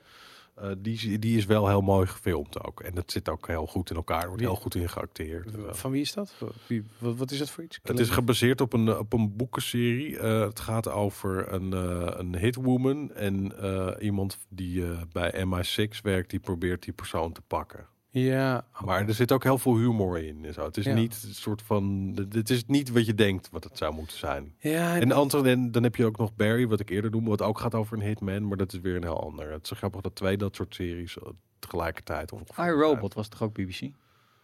Ik weet dat het een film is met Will Smith en een boek van Asimov. nee, nee, ik bedoel, wat maar, nou? Die, eh, die serie met die, eh, die hacker. Mr. Mr. Robot. Mr. Robot, Nee, sorry. Dat is van eh, FX of zo. Oh, oké, heb ik dat het toevallig zag oké, sorry. Oh ja, nee, hier is iemand. eh, Luther vond ik eh, tof. Ja, vind ik Sherlock ook tof. vond ik Is, tof. is ook tof. The Office. Sherlock, Office is ook goed. Maar goed, weet je, de IT-crowd, ook een fantastische serie. Maar niet, Ja. zeg maar, niet heel mooi gefilmd. Ik had het laatst Nee, met nee, nee. jou, zat ik de app en toen zei ik, je moet de Terror kijken, die ook op Ja. Amazon staat. ja. Eh, fantastisch mooi gemaakt ook. Ja. Ja. Er zit echt geld in. En ik heb bij die Engelse series altijd dat ik denk van, ja, weet je, als ik het tegen deze muur doe, dan valt hij om. Het zijn altijd karton. dezelfde soort agenten en dezelfde soort politieauto's in dezelfde soort criminelen. Maar En- ja, Ja. dat kun je met Nederland ook zeggen. Ja, nee, maar dat- komt er weer zo'n witte Volkswagen. Ja, ja, maar dat, dat is ook de lulligheid. De, de- absoluut. Maar daarom vond ik Flikker Maastricht zo goed. Omdat het daar een beetje de draak mee stijgt. Het is dat. En, en toch is het een soort van... Ja, het, het, het is echt eh Basje en Adriaan. Maar dan, dan... Het heeft een beetje dat niveau. Ja, en ik dat had toch het, beter. toch het idee dat ze zichzelf heel serieus namen en dat het toch Bas en Adriaan was. Oh ja? Ja, Toch Basje en Ik denk Adriaan. dat we er al, precies anders Een nieuwe kijken. generatie Basje en Dat Adriaan. Vroeger- het niet vroeger heel keek ik- tongue-in-cheek was uiteindelijk. Ja, Kijk, ja. altijd Duitse politie-series. Tator, dat vond ik Ja, kom echt. op. Maar dat is mijn oma, kijk dan. Ja, maar Ja, dat, dan komt dat vond ik met vroeger een goed. snor en die gaat dan kijken naar een lijk. en Nee, zo. maar dat was wel goed opgebouwd. Ik weet niet, dat, dat, vond ik altijd wel tof. Ik vind Britse politie-series vind ik inderdaad niet zo... eh, Iemand heette Horst. Ik Horst. Ja. Horst Horst Szymanski. Ja, Horst Tappert, die fout was in de oorlog, ja, toch? ja, ja. Ja, dat was Dirk, Horst Tappert. Ja, Ja. Dirk, dat had je. Jezus Christus, Horst Ja, Tappert inderdaad. Duitse series inderdaad. Hey, ehm, over vier minuten, Ja. in, in- inmiddels drie minuten, wordt eh, de nieuwe Black Ops eh, eh, trailer. ehm, God, moeten we het daarover gaan hebben? Black Ops Nou, 4 is het dan? ja, nou, we, we, we- we hadden zoiets van, we moeten heel even kijken wat er voorbij komt. Ik, vind- ik vind het zelf ook niet zo interessant. Jij, jij, Ik, ik hou het wel een beetje in de gaten straks. Ik, ik, ik kijk wel even op Twitter wat het is. Ik, bedoel, ik, ik zie het straks. Morgen hebben we er een leuk item over. Maar eh, eh, het gaat er vooral over of er nog wel of niet... de- de- Er gaat geen singleplay meer in zitten. Ja, ja, goed, dat is toch niet heel erg. Dat is toch niemand, niemand kocht. Nou ja, mensen waren best wel shocked over. Volgens Best mij wel was ik de enige die dan de singleplayer speelde en dan niet de multiplayer. Nee. ik ben al heel Dus, lang eh, afgehaakt bij Ja, nou, ik vind het nog steeds wel leuk om te spelen. Maar eh, ja, goed. Hoe kijk jij naar de gamesindustrie, eh eh Melle? Wat, wat, heb, je, heb je een beetje meegekregen wat er, over, wat er op de E3 aan het Speel je is? Fortnite? Ik bedoel dat alles gelekt is. Ja, dat Ja, alles dat vandaag gelekt Dus is. het is niet zo heel erg moeilijk om dat niet mee te krijgen. Nee. Maar nee, ik volg games nog steeds heel erg en zo. Maar de- ja, goed, ik denk ook dat eh, dat is een beetje jammer voor de E3. Want namelijk de noodzaak van de E3 wordt op deze manier wel heel erg klein. Ja, maar inmiddels- Be- totaal behalve dat een paar YouTubers dan op een stand heel hard kunnen gaan schreeuwen Ja. omdat eh, Black Ops 4 uitkomt. Ze Ja. zeggen al inmiddels al wel wel van, er zijn alweer genoeg argumenten waarom het niet waar was. Maar dat maakt, maakt niet uit. Maar het is een andere show geworden, dat weet ik. En het, het grappige is dat ik nu die, die afspraken met, eh, met de publishers maak. En dat we aangeven dat we dit jaar wat anders aanpakken. hè. We gaan met eh Boris, die gaat niet naar Amerika, die, die zit hier. Omdat je het hier beter kan volgen, weet je. Het is, een, het is niet meer het, het media-evenement. Het, het wordt ook tegelijkertijd gestreamd. Het is meer naar de community toe. En eigenlijk erkennen ze dat zelf ook allemaal wel. Ik denk dat, dat de toegevoegde waarde van de E3 is om erheen te gaan, is om iets anders te doen dan games. En weet je, als je, als je over die games wil praten, kun je hier ook daar heel erg nuttig Ja. over praten. Ja, Nou, dat is, dat is mijn instelling ook. Ik, ik bedoel, ik vind wat we nu aan het doen zijn. Hè, ik bedoel, het feit hoe we eh, eh, eh, hier achter deze tafel zetten, het soort content wat het oplevert.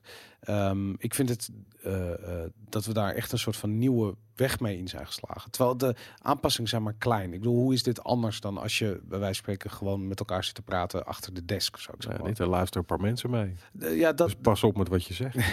dat ook. Maar in ieder geval, de, ehm, eh, ik vind dat dit iets nieuws doet. En ik vind het juist heel erg tof dat we deze E3 eh, eh, de diepte in kunnen gaan over de achterliggende dingen. En dat kon vroeger ook wel, maar vaak later terugblikkend op wat we dan hadden gezien. Op Nou ja, E3. om, om, omdat eh, als je daar was, eh, jij was de enige die, die zag wat er te zien was. En vandaag de dag, serieus, al die persconferenties, alle games die daar worden getoond, worden gelijktijdig in welke constructie dan ook gestreamd. Nee, dat is Dus- maar ik- weet je wat het ding ook is? Ik denk dat, dat ik vind de games eh, industrie heel erg fascinerend. Ja, Maar het gedeelte wat ik fascinerend vind, is niet het gedeelte waar ze zeggen: hier, je moet hier naar kijken, kijk hier naar. Nee, nee, nee, nee, tuurlijk. Nee. Dit is interessant. maar dit niet. Die, Ja, maar dat, dat is dus weg aan het gaan bij de E3. Dat Ja. soort, dat, dat precies Ja, wat jij... Dat daarom, is, dat daarom hoef je, weet je, je gaat Ja. naar een persconferentie, maar ik hoef die persconferentie niet te zien. Maar ik wil wel iemand spreken en ik wil wel een verhaal horen over hoe iets tot stand is gekomen, dat soort dingen. Maar Behalve dat, dat dan- hoor je niet op een persconferentie. Dat hoor je ook niet meer op de E3. Dat hoor je op de GDC bijvoorbeeld. Ja, dat je moet moet Ja. met mensen gaan praten en, en de, ah, de diepte in. Maar Ja. ik, ik denk nog wel dat, eh, kijk, we hebben dit jaar eh, eh, drie, drie gasten die, waarvan er één nog nooit naar de E3 is geweest, Eén pas één keer. En Jelle, ehm, dat het veel leuker is gewoon als gamer en, al, en ook geen afspraken meer. Gewoon alleen maar checken wat je leuk vindt. Ja. Dat is namelijk eigenlijk, zo, het is een community evenement geworden. Wel heel groot, met meer nieuwswaardige dingen. Maar anders dan het vroeger was. Vroeger, jij zag het en eh, een maand later kwam het op televisie of in een blad, weet je wel. En tot die Ja. tijd had jij alleen maar die informatie. Vandaag de dag, echt, je ziet het alleen maar, alles wordt gelekt, alles wordt getoond. Ze tonen het van tevoren allemaal Ja, maar wat, je- wat je dus nu krijgt, is wat de meeste eh, media outlets doen, is dat ze eh, zeggen: kijk, dit is er. En dat Ja. is het dan eigenlijk. En dan gaan ze door naar het volgende ding. En ik vind dat niet interessant. Ik wil meer weten over dat ding. Maar dat wordt heel moeilijk, omdat op de dat is E3 wel zijn ze in de. PR-modus. Ja. Is heel moeilijk om dat, is- los... En dat kun je misschien wel beter doen door er niet live bij te zijn. En door de, weet je, dan heb je namelijk twee dingen. Dan heb je mensen daar die, Ja. die gaan checken Ja. wat ze leuk vinden. Je hebt mensen hier die gaan dieper op een onderwerp. Analyseren, ja. Nou, ik, ik, ik denk dat er ook iets anders aan de hand is. Dat vroeger was er eh, eh, op bijvoorbeeld zo'n beurs. Ik, ik sprak ontzettend veel journalisten op zo'n beurs. Hè, bij, bij die feestje, weet ik wat. Ik sprak mensen uit de industrie. Ehm, en zo hoor je eh, verhalen. Mhm. En wat ik een beetje merk, is dat ik die mensen nog steeds wel spreek. Eh, maar het gaat meer via Facebook, via Twitter. Eh, ehm, er zijn een ander soort evenementen. Maar wat er ook is, is content zoals dit. Dus Mhm. ik zie die mensen bijvoorbeeld een podcast hebben ergens. En die verhalen ook vertellen. Ja. En dat je merkt gewoon, content is veel meer op straat komen te liggen. Waar vroeger had je misschien een blad, maar iemand schreef in het Zweeds of in het Italiaans of weet ik veel. En die informatie bleef een beetje daar in, dat, in die community. Nu, als er iets uitlekt, dan is het gelijk wereldnieuws. Want Ja. het wordt altijd Waardoor ze over- dus ook terughoudender zijn. Wat Ja. ik zeg van eh, eh, tien jaar terug, vijftien jaar terug stond je echt dronken naast eh, de even dronken, eh bij wijze van spreken, PR-manager van Sony. En dan kon je gewoon nog over games lullen. John Ja. Carmack of zo. Dat, Ja. dat kan tegenwoordig niet meer, want ze weten... Yves Guillemot, ik was, ja, dat vaak genoeg verteld. En, en dan, Ja. dan verklapte ze je gewoon wat van eh, even tussen dit en dat, en dat. En dan hield ze... Ja, Ja, maar nu, nu Niet alleen Het staat dat, op Twitter ik, ik meteen. denk ook dat heel veel mensen uh, waarmee, waarmee wij zijn opgekomen in, in de, die dan de gamejournalist zijn, Mhm. die werken nu in de industrie in een andere positie. Ja. Die spreek je ook buiten dan eh, dat soort evenementen. En dan hebben ze ook interessante verhalen te vertellen. Want Ja. er is Maar- natuurlijk weer een hele lading nieuwe uh, bijgekomen. En die doen het op een andere manier. Ja, Maar waar je, waar je moet Ja. oppassen is dat de E3, dat je niet constant gaat zeggen, vroeger wordt alle, was alles beter. Want dat, dat, dat gevoel had ik op een gegeven moment van, ik, ik had het negen keer gezien. Ik vond die persconferenties en het wereldje eromheen vind ik nog steeds wel interessant. Maar die E3 zelf, daar was ik wel klaar mee, weet je wel. En als- wat je het niet is heel wil... simpel. Als vroeger alles beter was, dan rende ik nu nog steeds in een berenvel achter een mammoet aan. Dat is duidelijk. Nee, maar niet da- waar. daar bedoel ik van. dat Dat, is wel heel gezond. maar ehm, Ja, je gaat dat- dingen Ik ben vergelijken. al heel harig van mezelf. Als ik dan ook nog een berenvel aan moet, weet niemand waar zeg maar de beer begint en ik ophoud. Ja. Maar het is toch ook juist goed van eh, op een gegeven moment heb je een bepaalde blik, een bepaald idee over wat een toffe E3 is. En als dat vandaag de dag is die zo anders dat je niet wil, wat voor anderen namelijk misschien nog wel heel erg tof kan zijn.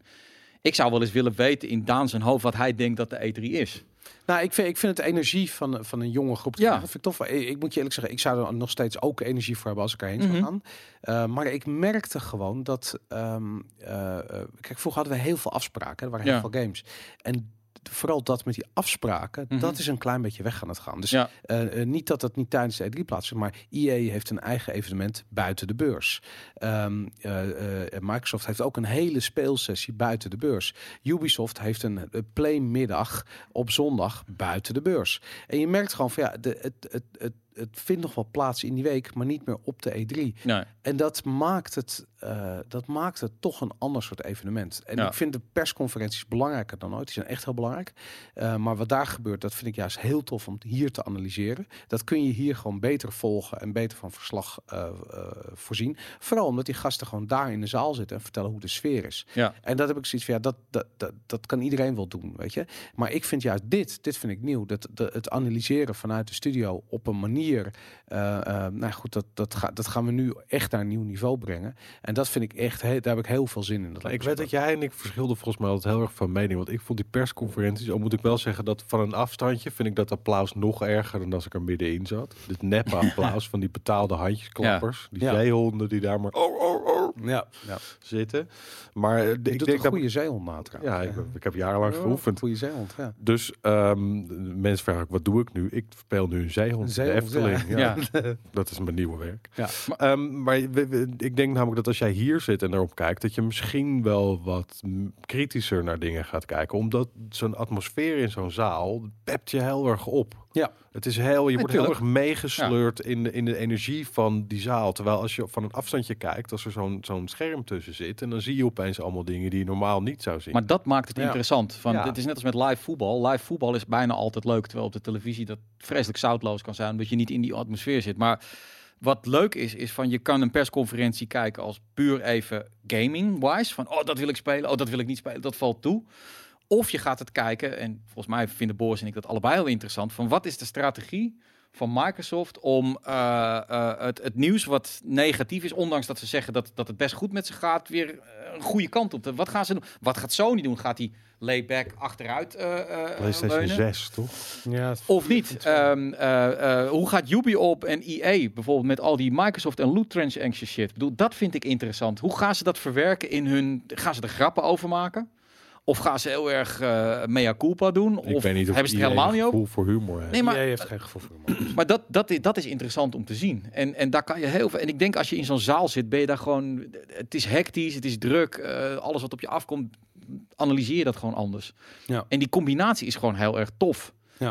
Nee, ik, ben, ik denk dat dit een bijzonder jaar is, omdat we zitten aan een, het einde van een consolecyclus. Eh ik denk dat er heel veel goede content komt, maar ik denk niet dat er nieuwe hardware komt.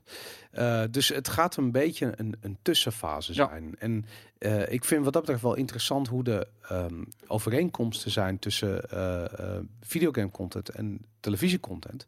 Omdat de strijd niet meer zozeer om de content gaat, het gaat om de distributieplatformen. Waar Netflix echt de boel op zijn kop gezet heeft. En iedereen nu zijn best doet om erbij te komen. En Disney misschien wat betere kaarten heeft dan, eh, dan Videoland en Amazon het wat beter gaat doen dan NL ziet. Maar je ziet dat iedereen heeft hetzelfde idee. En iedereen is als een gek spullen bij elkaar aan het pakken om maar mee te doen in die reis. Dat zie je in videogames exact hetzelfde. Weet je, je hebt nog steeds Activision die eigenlijk aan het concurreren is met EA en met Ubisoft. Maar linksom komt gewoon eventjes Fortnite en die pakt gewoon eventjes een, een, een drie maanden lang bijna 60% van de markt. En dat is, dat is heftig. En als je dan kijkt van ja, wat zijn dan de distributieplatformen die gebruikt worden? Ja, in het begin was dat nog heel plat PlayStation, maar tegenwoordig zie je dat Fortnite het op mobile in Azië krankzinnig goed doet. Ja. En dat, ja, dat, dat, dat is insane, weet je. Ik bedoel, Ja. je ziet dat die distributieplatformen eigenlijk de, eh, de strijd beslissen.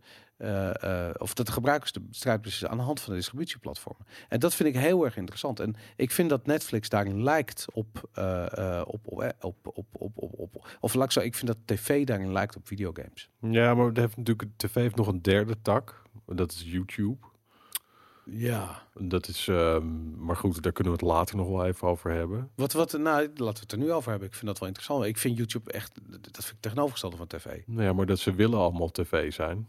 Ze Maar zeggen allemaal dat ze over- het niet waar, waar- willen. Waar hebben we het over? Over, over YouTubers, vloggers, bloggers? Ja, die, die willen allemaal op tv. Want die weten dat hun eh, levensspan op YouTube vrij kort is. En de meeste mensen die worden niet populair genoeg om daar eh onafhankelijke rijden zoveel geld Maar die, die ze Dat, bereiken eh, niemand. Hun doelgroep zit op YouTube, op Twitch. Weet ik, die zitten niet op, die kijken Dat is waar, maar een doelgroep gaat ook heel snel door naar iets anders. En je ziet dat grote YouTubers willen allemaal dolgraag op de televisie. Dus die zijn, die lopen, weet je, zullen het zelf nooit toegeven. Ik denk dat in Nederland de enige die dat niet wil is Ome Enzo.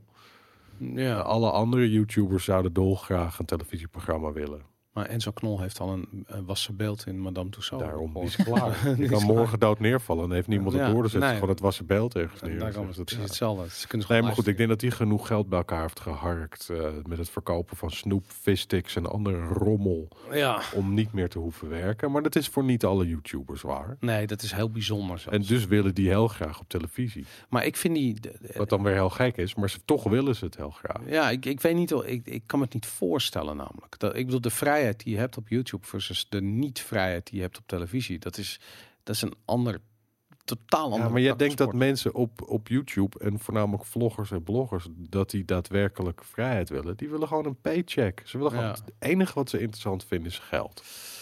En Maar dat, dat, dat, laat ik het zo zeggen, dat vindt, dat wil alle media. Iedereen wil gewoon, ik bedoel, het is werk voor een deel. Het is passie, maar het is ook werk.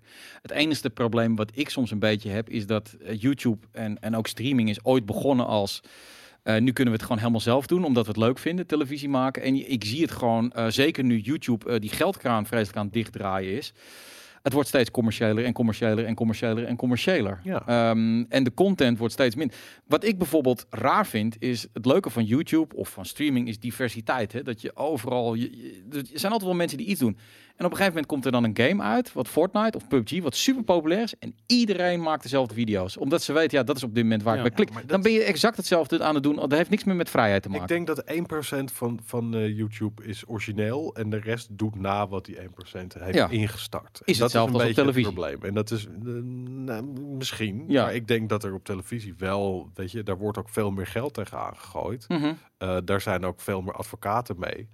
Ja. Dus uiteindelijk kun je op televisie niet alles namaken. Nee, maar ik bedoel er meer van boer, zoekt vrouw scoort. En nu krijgen we nog drie boerenprogramma's erbij. Ja, boeren over eh Yvonne Jaspers die boeren interviewt over het leven. Yvonne Jaspers die dit doet. Yv- 100 bakprogramma's. ik vind Maakt het niet super relaxed. Dat zijn vier programma's die ik niet hoef te kijken. maar dat is met YouTube dus ook. Dus het, het, het- uiteindelijk is YouTube en tv wordt gewoon hetzelfde. Nou, ik, ik hoorde Op een ander platform. Ik hoorde laatst dat adverteren op televisie goedkoper is dan adverteren eh, eh, als bij video pre-rolls bijvoorbeeld. Oké. Eh, online. En dat vond ik al echt heel erg En verbazend. dan hebben we het nog niet eens over alle verborgen reclame in alle YouTube-filmpjes. Dat, dat ook, die, waar in principe regels zijn die niet worden nageleefd. Nee, niet.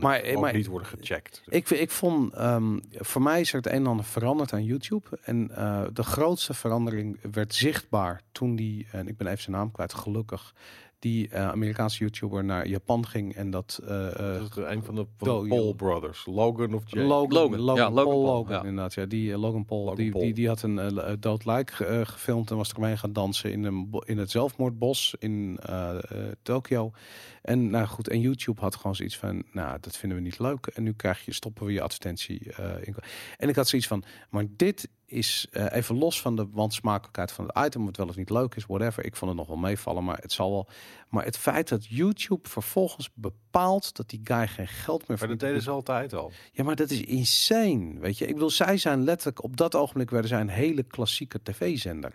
Dat is hoe content bepaald wordt eh, eh, op Ik- televisie. ah, de Ik, weet niet weg. precies wat de rekensom is. Dus mijn getallen zijn misschien niet helemaal goed. Maar laten we zeggen dat het een ballpark is. Maar ik heb gehoord dat het als volgt werkt. Dat ehm, YouTube levert per jaar 5 miljard op.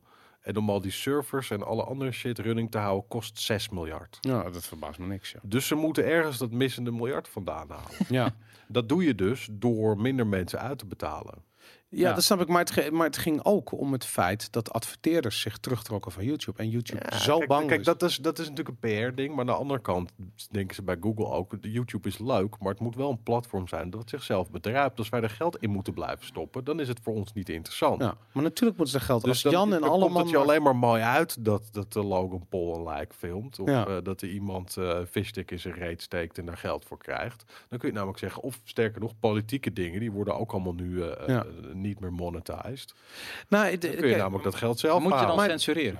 Dat, dat is het dan. Als, als het platform zelf zijn boel gaat censureren. Nee, maar het, het ding is, eh, wat ik. eh, Kijk, of je nou wel of niet censureert, dat, dat is een keuze, die maak je vooraf. Ja. Maar wat, wat YouTube aan het doen is, kijk, als ik een camera eh, hier de deur uit eh, eh, richt en ik film de, de, de gans aan de overkant in de gracht een hele dag in 4K en ik zet dat online als ik wil, dan mag dat gewoon. Weet je, dat, Mhm. dat kost bandbreedte, dat kost servercapaciteit, dat kost van alles. De hele wereld zou dat kunnen doen.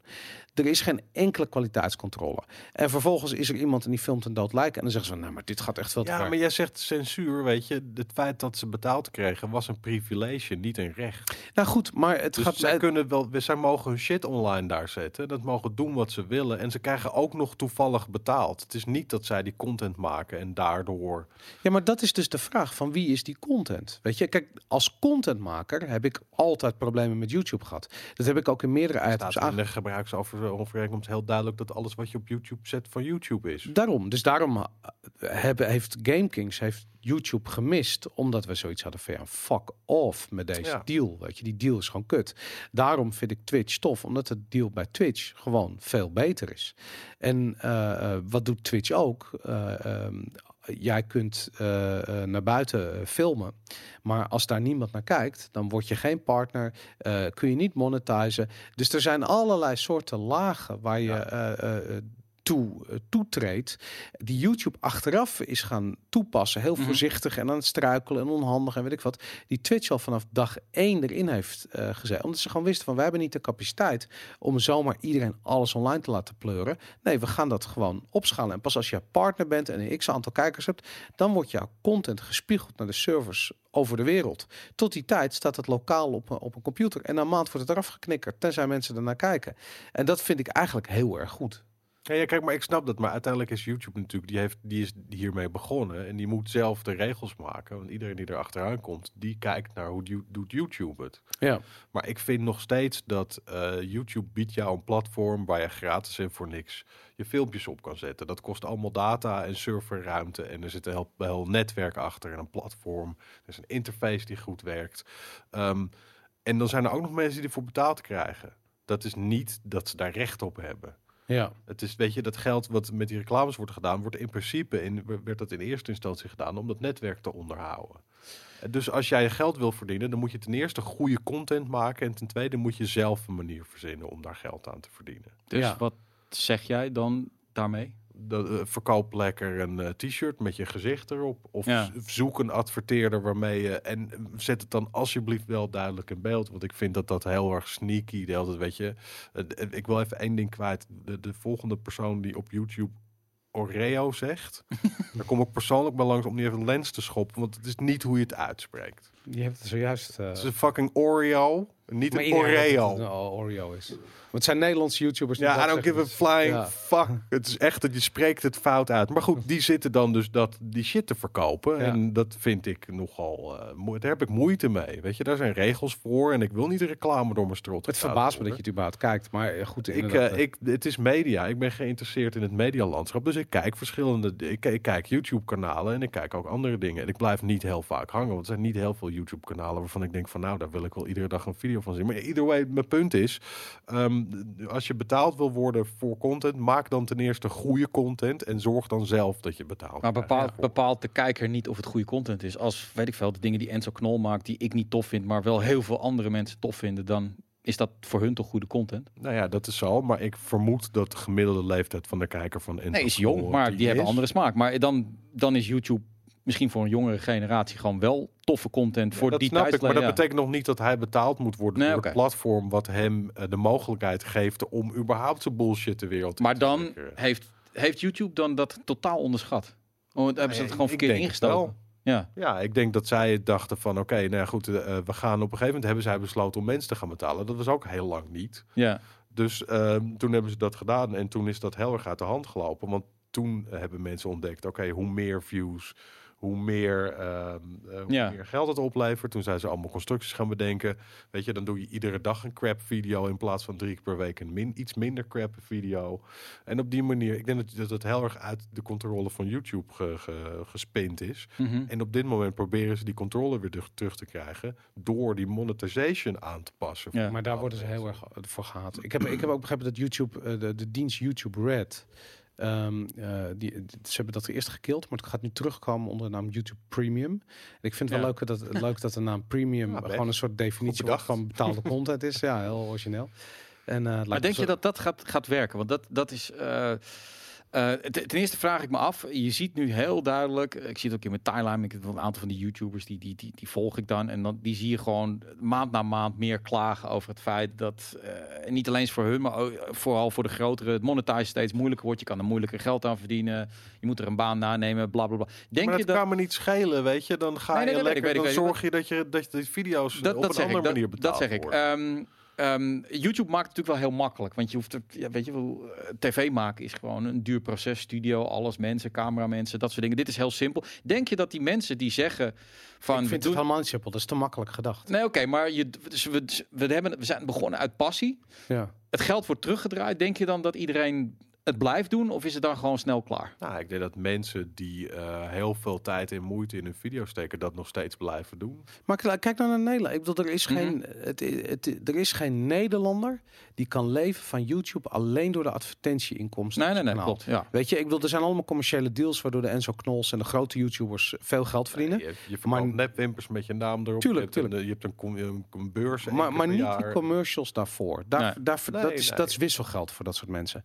En eh, wat ik dan heb als YouTube eh, eh, zegt van nou support eh, ons of support deze contentmaker en wordt lid van YouTube Premium, dan heb ik het probleem dat die contentmaker die ik dan zogenaamd support, die krijgt waarschijnlijk 30% van het bedrag en Ja, de, rest gaat, geld niet. de rest gaat naar Google. Ja. Ik, ik wil Google helemaal niet Nee, je wil supporten. die man supporten, ja. Maar je Google, support niet Google, je support het YouTube-netwerk. ja, maar dat wil ik ook niet supporten. servers, Fuck de bandbreedte, Die- dat soort Ja, dingen. maar het is van Google. Die gasten hebben eh, dat bedrijf, misschien dat YouTube geen winst maakt, maar het bedrijf Google maakt miljarden winst. Laat ze het maar lekker in, in YouTube fuck off. Ze hebben al mijn data al op mijn, op mijn Android-telefoon. Ehm, Je eigen schuld dat je nooit in moet voeren. ja, nou, Maar goed, moeten ze dan niet wat- eigen platform gaan opstarten?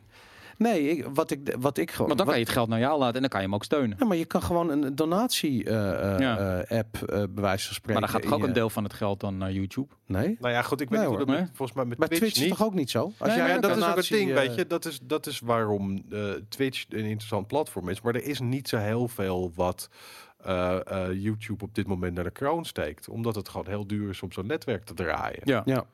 Nou goed, eh, ik zie ook, eh, eh, er wordt veel eh, ehm, eh, Patreon eh, genoemd. En dat is een, ge- gewoon een heel goed voorbeeld van ja, als je contentmakers wil supporten, dan gaat dat dus niet door een platform als YouTube. Maar dan heb je externe platforms als Patreon voor nodig. Mhm. En ik denk dat YouTube daar de boot aan het missen is. Want doordat YouTube dat niet faciliteert, zijn die contentmakers vrij om naar welk ander willekeurig platform te gaan, zolang hun doelgroep maar bereikt wordt via eh, een bepaald vast kanaal. En dat kan Patreon zijn, dat kan Twi- Twitter zijn, terwijl je groot bent op YouTube, whatever. Dat maakt niet zoveel meer uit. Dus die content die, die is steeds decentraler. Mhm. Terwijl eh, eh, YouTube zoiets heeft, ja, maar het draait toch om het platform wat wij gebouwd hebben. Ja, nu nog wel, maar Ja, straks maar het is meer. de infrastructuur. Dus als je nu een situatie krijgt waarin YouTube de infrastructuur levert, waar mensen die filmpjes op kunnen kijken.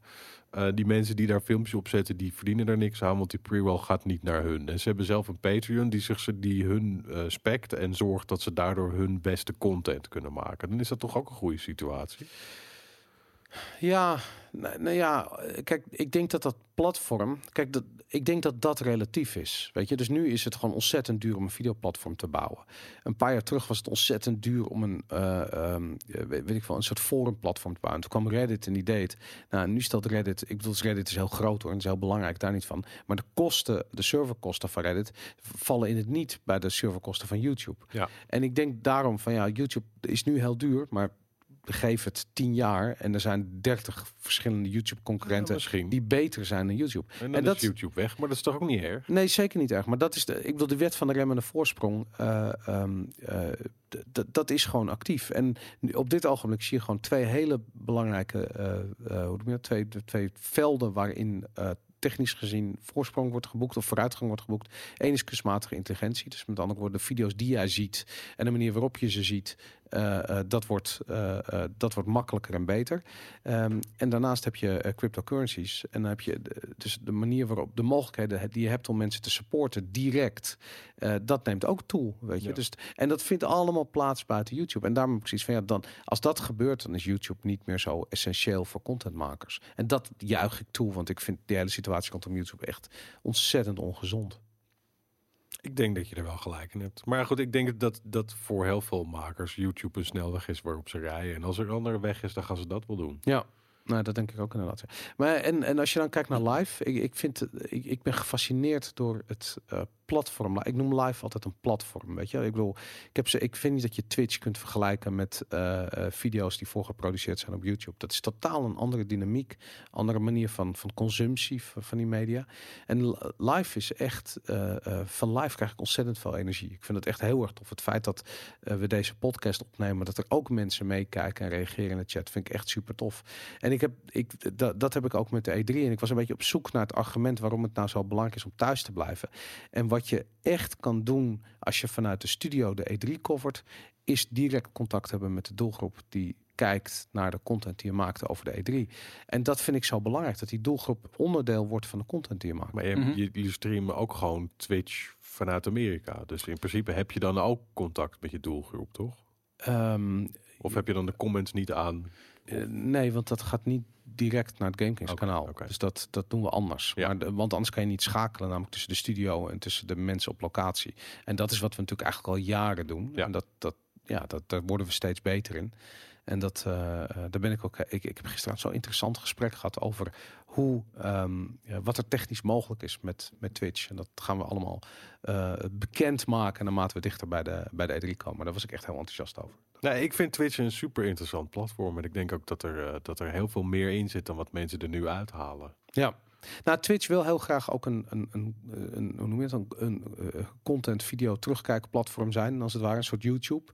Uh, en ik vind het heel tof hoe ze daar langzaam naartoe opbouwen. Terwijl in feite Amazon zit erachter. Die hebben een, ik bedoel, ik denk dat dat na uh, Google de grootste data uh, bedrijf ter wereld is. Als het niet mm. al groter is dan YouTube. Maar ik, ik weet het niet exact. Het is gigantisch in ieder geval.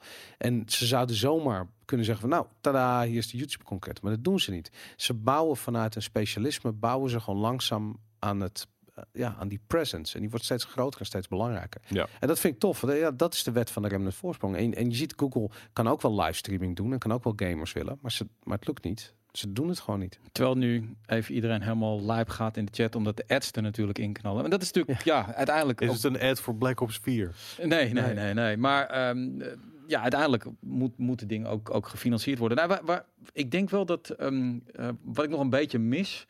En waar ik hoop dat Twitch podcast luisteraars weten zien natuurlijk niet de ads. Dus nee, um, waar, waar, ik hoop dat ook uh, Twitch meer voor ge gebruikt gaat worden en IRL is dus voor uh, verslaggeving uh, op momenten als dingen gebeuren. En ehm, je ziet het nu al dat mensen al foto's plaatsen als er bijvoorbeeld wat gebeurt. Je ziet bijvoorbeeld in landen als Syrië, waar geen traditionele media meer kan, dat dingen als Facebook gebruikt worden om toch nog filmpjes naar buiten te brengen ik zou het tof vinden als, als mensen uh, journalistiek gaan bedrijven, gewoon zelf uh, met, met behulp van livestreaming. En maar dat zijn ze toch aan het doen? Ja, maar het, het, ik denk nog voor veel mensen staat Twitch voor gaming en entertainment. En ik denk dat het verder gaat. gaat maar, maar, als je het hebt over live als platform. Uh, ik heb een serie gezien die jij ja. hebt aangeraden. Dat heet um, Flint Town. Ja. Heb je die gezien, uh, Mel? Nee, ik ben wel bekend met Flint. Oké, okay, nou ja, goed. Nou, het, is, het is uh, letterlijk een soort van documentaire reeks over Flint. En uh, ze volgen de uh, hilarisch uitgemergelde police department van Flint. Die uit negen agenten, die, die een soort van, van de stad van 100 200.000 inwoners moet policen, wat dus niet lukt. Uh, maar daar zag je ook dat moment dat die um, uh, dat meisje zit in die auto en haar vriend ja. is uh, neergeknald door de politie. En die agent staat dan met zijn wapen in die auto te richten, terwijl die man doodbloedt met dit kind op de achterbank en die staat erop. Fuck, fuck, weet je wat? Die baalt dat hij iemand heeft neergeknald. Die weet wat het is. En die agenten reageren erop, want in Flint is dezelfde situatie aan het ontstaan. En dan zie je gewoon van ja, dat is dat is gewoon de keiharde journalistieke waarde nou, ja, van live. Exact. Ik bedoel, op je de politieacademie live bij een police shooting, ja. man. Maar bij, op de politieacademie hebben ze een nieuw, nieuw bij, bijna, uh, bijna een nieuw vak. Dat is hoe ga je met dit om? Ja. Weet je, als je agent iemand wil aanhouden, gaat iedereen meteen jou filmen. En uh, dat betekent gewoon dat je, dat, ja, nou, dat je gecorrigeerd kan worden uh, als je dingen doet die vroeger bedekt bleven. Dat, dat wordt nu minder bedekt. Dus het, het heeft zijn goede Wat vind je daarvan? Nou, het kan ook wel gevaarlijk blijven. Um, laat ik zo zeggen, ik heb die serie gekeken en ik, ik zei ook al van, uh, ik heb het ook aangegeven in uh, uh, Filmkings van afgelopen week, dat dat er are two sides to a story, weet je wel. Ik kan, hoe, hoe moeilijk is het voor een agent? Stel dat je nou een blanke agent bent die wel probeert goed te zijn, maar je zit in een, in, een, in, een, in, in een stad waar gewoon een groot deel van de bevolking uh, uh, zwart is en daar de meeste criminaliteit is. En je wordt steeds van raci de racismekaart wordt steeds getrokken, terwijl je dat niet wil doen. Hoe moeilijk is het dan als iedereen maar met die telefoontje in je kop en je probeert uit te dagen en je moet rustig blijven? Dat is een vak apart. Nou, ik denk dat dat heel moeilijk is. Maar Ja. ik, ik, ik, ik, ik las daar laatst een, eh, eh, een blog over. En dat vond ik heel interessant. En dat ging Ja. over dat ze, eh, weet ik wel, ergens in de middeleeuwen hebben ze op een gegeven moment het, het schavot hebben ze, afgeschaft. En het schavot was, daar stond een galg op. Maar wat er ook op stond was zo'n ding. En dan ging je met je hoofd en je handen doorheen. Ja. En dan, deed ze het op slot. En dan zat je daar een dag en je gooide daar dan rot groente en, en rotzooi tegenaan. En je st- stond eigenlijk voor de hele, de hele dorpsplein stond je gewoon voor lul. En ze hebben dat afgeschaft omdat het zo heftig was. Ja. Omdat je namelijk echt iemand eruit de maatschappij neemt Ja. en zegt van dit is echt een asshole. En iedereen gooit zijn dingen erop. Ja. En is- je brak iemand. Iemand heeft gewoon psychische Nou, schade voor zijn leven. Ja. Dus ze zagen gewoon van, eh, eh, de, eh, omdat mensen gewoon opgehangen en gevierendeeld werden, was dat een relatief lichte straf. Maar waar ze op een gegeven moment achter kwamen, was dat het een emotioneel ontzettend heftige straf was. Ja, dat is- psychologisch slopend. En die shit is terug. Het is Maar dat is terug ook op het social media. als- eh, het is letterlijk, ja. dit, dit is dat, dat schavot of dat ding waar je in zit. Iedereen is een journalist en niet voor niets is journalistiek ook een vak, omdat je Maar hoort. dit is geen journalistiek. Ik bedoel, Nee, dat bedoel ik. Want je gaat ervan uit dat hè, de, de ethiek die je leert op de school van journalistiek. Ik zeg niet dat dat, dat gebeurt allemaal in journalistiek, want er zitten ook allemaal, die hebben ook allemaal weer een voorkeur links, rechts, weet ik wat het allemaal is. Maar de bedoeling is wel dat je weet tot hoe ver je gaat, hoe je vragen moet stellen en dat soort dingen. En ik ben ooit een keer voor het Haarlems Dagblad eh, een avond mee geweest met de politie eh, op zaterdagavond. Je, je wil niet weten wat je dan meemaakt als agent. Hoe je uitgedaagd wordt. eh, de hele tijd maar proberen eh, te hopen dat je reageert. En dat is zo knap als je dan rustig kan blijven en maar blijven praten. Ja. Ehm, Maar dat kan in Nederland ook, want is de kans dat iemand eh, Natuurlijk. een glok in zijn broekband heeft Ja. zitten vrij klein. Maar ik kan me voorstellen dat ik mij daar ook niet veilig zou voelen. Als, als je iemand stopt. Hier in Nederland ga je er niet vanuit dat hij een wapen trekt. In Amerika doe je dat wel. Ja, dan ben je, als iemand dan zo doet, ga je dan, dan leren ze van ja, je moet dan echt nog een paar seconden wachten. Goed kijken. Ik weet het niet. Je wil ook thuiskomen bij je kinderen. Dat is wat ze zeggen. Ja. Fuck hem. Ik wil gewoon thuiskomen. Maar ja, nou ja, dan, dan moet hij maar niet zoiets doen. Ik bedoel, het is zo moeilijk.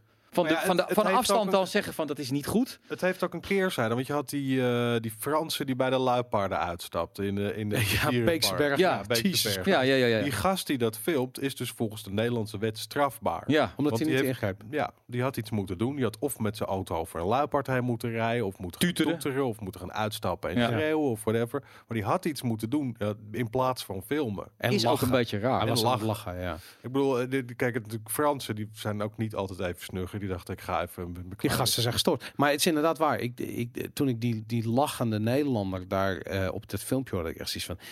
Dude, hoe moeilijk is het om even naar die auto toe te rijden, raampje Ja. Zeg zeggen gewoon een flink van- beetje, maak die luipaarden maar bang. Ga toeteren, rijd er hard op af, weet je, whatever. Doe Nou, maar, ze- ze af te maar die mensen hadden alle tijd om gewoon weer in de auto Ja. te gaan zitten. Ja. Maar je gaat niet je kind door de, door de Beekse Nee, Bergen oké, maar laten mijn rennen. punt is, En het dan je, ook nog Iedereen op je- is aan het filmen En- ondertussen, maar dat wordt ook tricky. Want Ja. op een gegeven moment worden er dus wel eh, dingen aan de hand. Weet je, weet je, op een gegeven moment mag je niet meer filmen. Maar hij zet het ook op YouTube.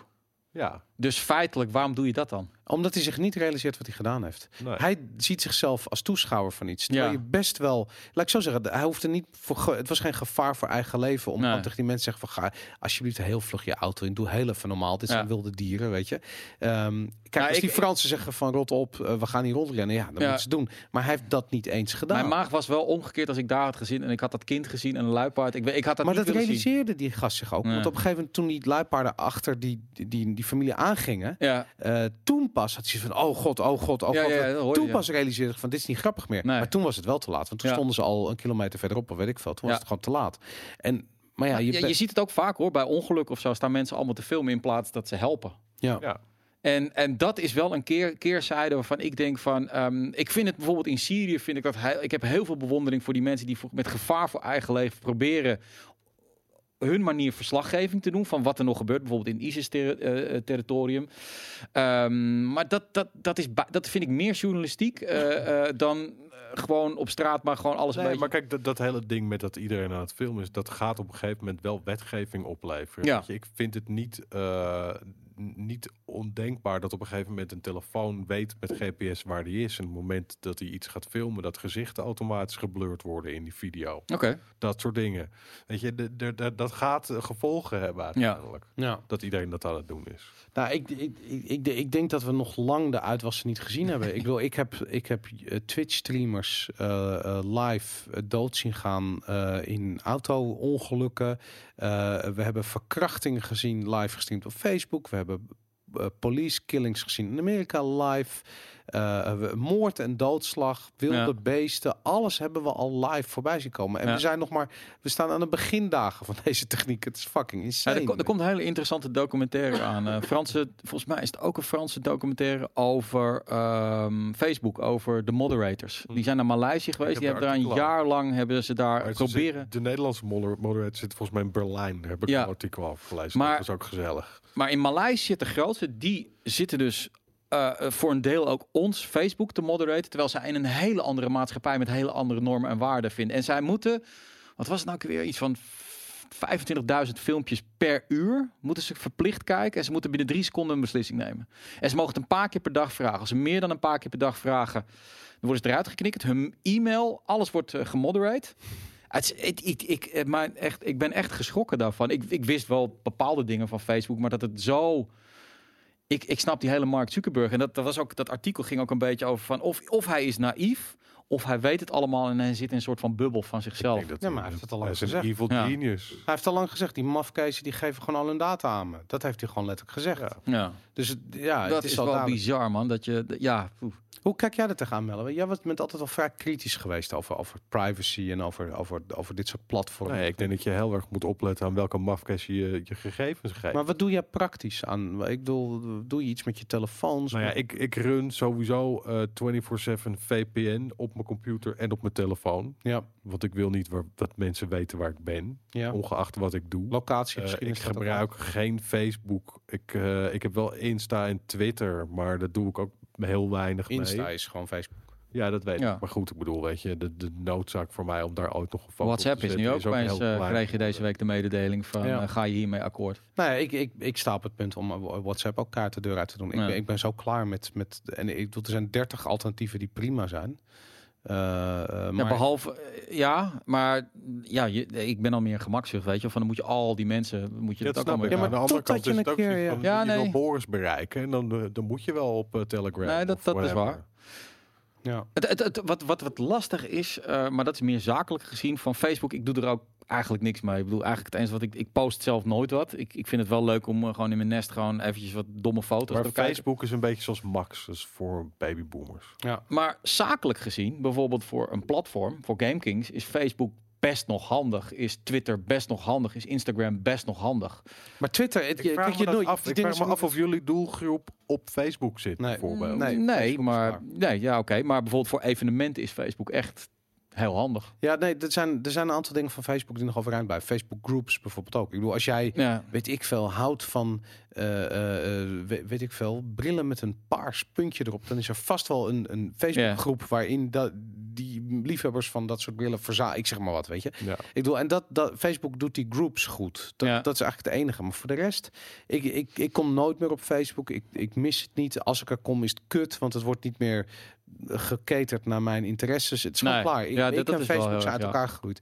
Dat is gewoon klaar. Ik vind het ook niet leuk meer. Ik heb hetzelfde met Instagram. Daar ben ik mijn interesse in aan het verliezen. ja. Uh, met name omdat wat ik zie van mensen nep is. Ik zie niet mensen hun leven leiden. Ik zie mensen doen alsof ze een leven leiden wat ze niet werkelijk ja, je laat de mooie kant zien. Nou, daar ben ik echt zo Ja. ontzettend maar dat is toch overal? Alle, alle social media is toch heel erg... eh, Twitter dus niet. Nee, Twitter niet. Tw- Twitter is echt curatie Ja. van, van, van, van Je bedoelt van een content. grote haatstroom. Ja, Nee, maar ik, heb dat gefilterd. Ik zit daar niet meer in. Dus ik, ik, Nee, heb een paar onderwerpen. maar- Ik vind gaming leuk. Ik vind crypto leuk. Ik vind techniek leuk. Ik vind science leuk. Ik hou van die... Van die je, hebt, ik weet niet of je Ethan Siegel kent, maar hij is een, eh, eh, een soort van... eh, hij is een astronoom. En hij probeert eh, eh, kwantumfysica en dat soort dingen in begrijpelijke taal uit te leggen aan de hand van wat er in het nieuws gebeurt. Ja, het is fucking tof om hem zijn, eh, eh, eh, zijn, zijn shit te zien, weet je. En ik vind dat heel goed. Maar ik moet je zeggen, ik gebruik YouTube ook veel, maar content die ik vaak via Ja. Twitter krijg. Twitter is voor mij dat dat is echt het meest populaire. Maar dan gebruik je niet de standaard Twitter-app. Jawel, ja, die gebruik ik. Maar ik, ik volg eh, niet, niet, niet mijn vrienden en dat soort dingen. Die zijn ook allemaal van Twitter af. Ik volg eigenlijk alleen nog maar inderdaad gaming gerelateerd of sport gerelateerd. En YouTube ook. Ik, ik, ik kijk alleen nog maar bijvoorbeeld eh, sportdingen, eh, MMA dingen, eh, bepaalde dingen die ik interessant vind. En doordat ik dat zo vaak doe, wordt het voor mij ook nu wel redelijk perfect geschift. En kijk ik al die andere ehm, eh, troep niet meer. Maar ik las vandaag ook dat een derde van de jongeren is echt verslaafd aan Facebook en heeft er ook eh, dat, dat hele liken. Dus pop, de, hun identiteit hangt af van het aantal likes wat ze dus daadwerkelijk krijgen. Dus daarom Ik vraag dus me daar af of dat nog is. Dat, dat klinkt als, da als een onderzoek van 2016 wat in kunnen. 2017 gepubliceerd is en nu pas vrijgegeven. Maar ik zie wel iedereen de hele tijd in de trein. allemaal iedereen het- met die Ja, maar ik zie dan, dan zit ik echt naast iemand en dat is echt gewoon hup, like, Instagram, hup, ja. like, hup, Ja. like. Weet je, het, wat zij geven willen ze ook ontvangen. Ja. Dus die druk, eh, daar ben ik gelukkig nooit in meegegaan. Eh, maar ik kan me dat ook wel voorstellen van eh, vroeger was het je moest de goede schoenen hebben of de juiste spijkerboeken. Nu is het allemaal van je moet de juiste foto's op, op Insta hebben met, met, met die filters. juiste, met die goede broek en de juiste schoen. Er is niks veranderd. Nee, Het dat is waar, ja. meer geworden. Alleen kan je er nu ja. zes filters overheen leggen dat je je jeugdpuistjes niet meer ziet. Ik zie namelijk ook helemaal niemand meer met puisten tegenwoordig Nee, op, op Instagram. Dus eh, Maar ik, ik- kijk, ik, ik was ook zo iemand. Ik, ik was ook echt verslaafd aan de likes en ik Ja. was daar erg mee bezig. En op een gegeven moment is het minder geworden. Is mijn context een beetje veranderd, omdat ik me wat bewuster ben geworden van wat voor soort informatie ik nou daadwerkelijk aan het geven Ja. was als ik dingen aan het liken was.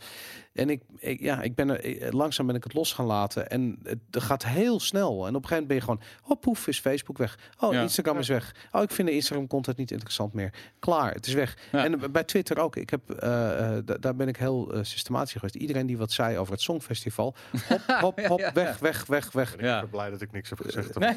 Nee, maar het Dat is, dat is echt bizar. En ik, Ja. ik denk dat er in mijn hele tijdlijn van alle mijn contacten op Twitter zijn er twee mensen die ik het vergeven heb dat ze iets hebben gezegd Ja. over het Songfestival. Die hebben, doet er al heel veel extra naar de tafel brengen. Dus de ene is dan je vrouw, die was waarschijnlijk duidelijk Nee, over, hoor, nee, eh, nee, het. Songfestival. Nee, we hebben geen het tv thuis, maar nobody cares bij ons thuis. Het is, ik doe het is Netflix en nog eens Netflix en Brandweerman Sam. En omdat het weg van Netflix is, is dat gewoon weer oldschool eh YouTube en downloaden. Ja. weet je? Dat, eh, dus dat, ehm, nee, wat, wat dat betreft, televisie is gewoon, eh, dat is bij ons thuis echt klaar. Het is gewoon afgelopen. En eh, ik, ik, ik, ik, denk als je het over social media hebt, dan denk ik dat we, we staan aan de vooravond van iets nieuws. En ik weet nog niet helemaal wat het was. Ja. Ik heb laatst gekeken of je, ik weet niet of jullie dat gezien hebben. Er is een decentraal eh, Facebook social media-achtig platform. Dat heet Minds.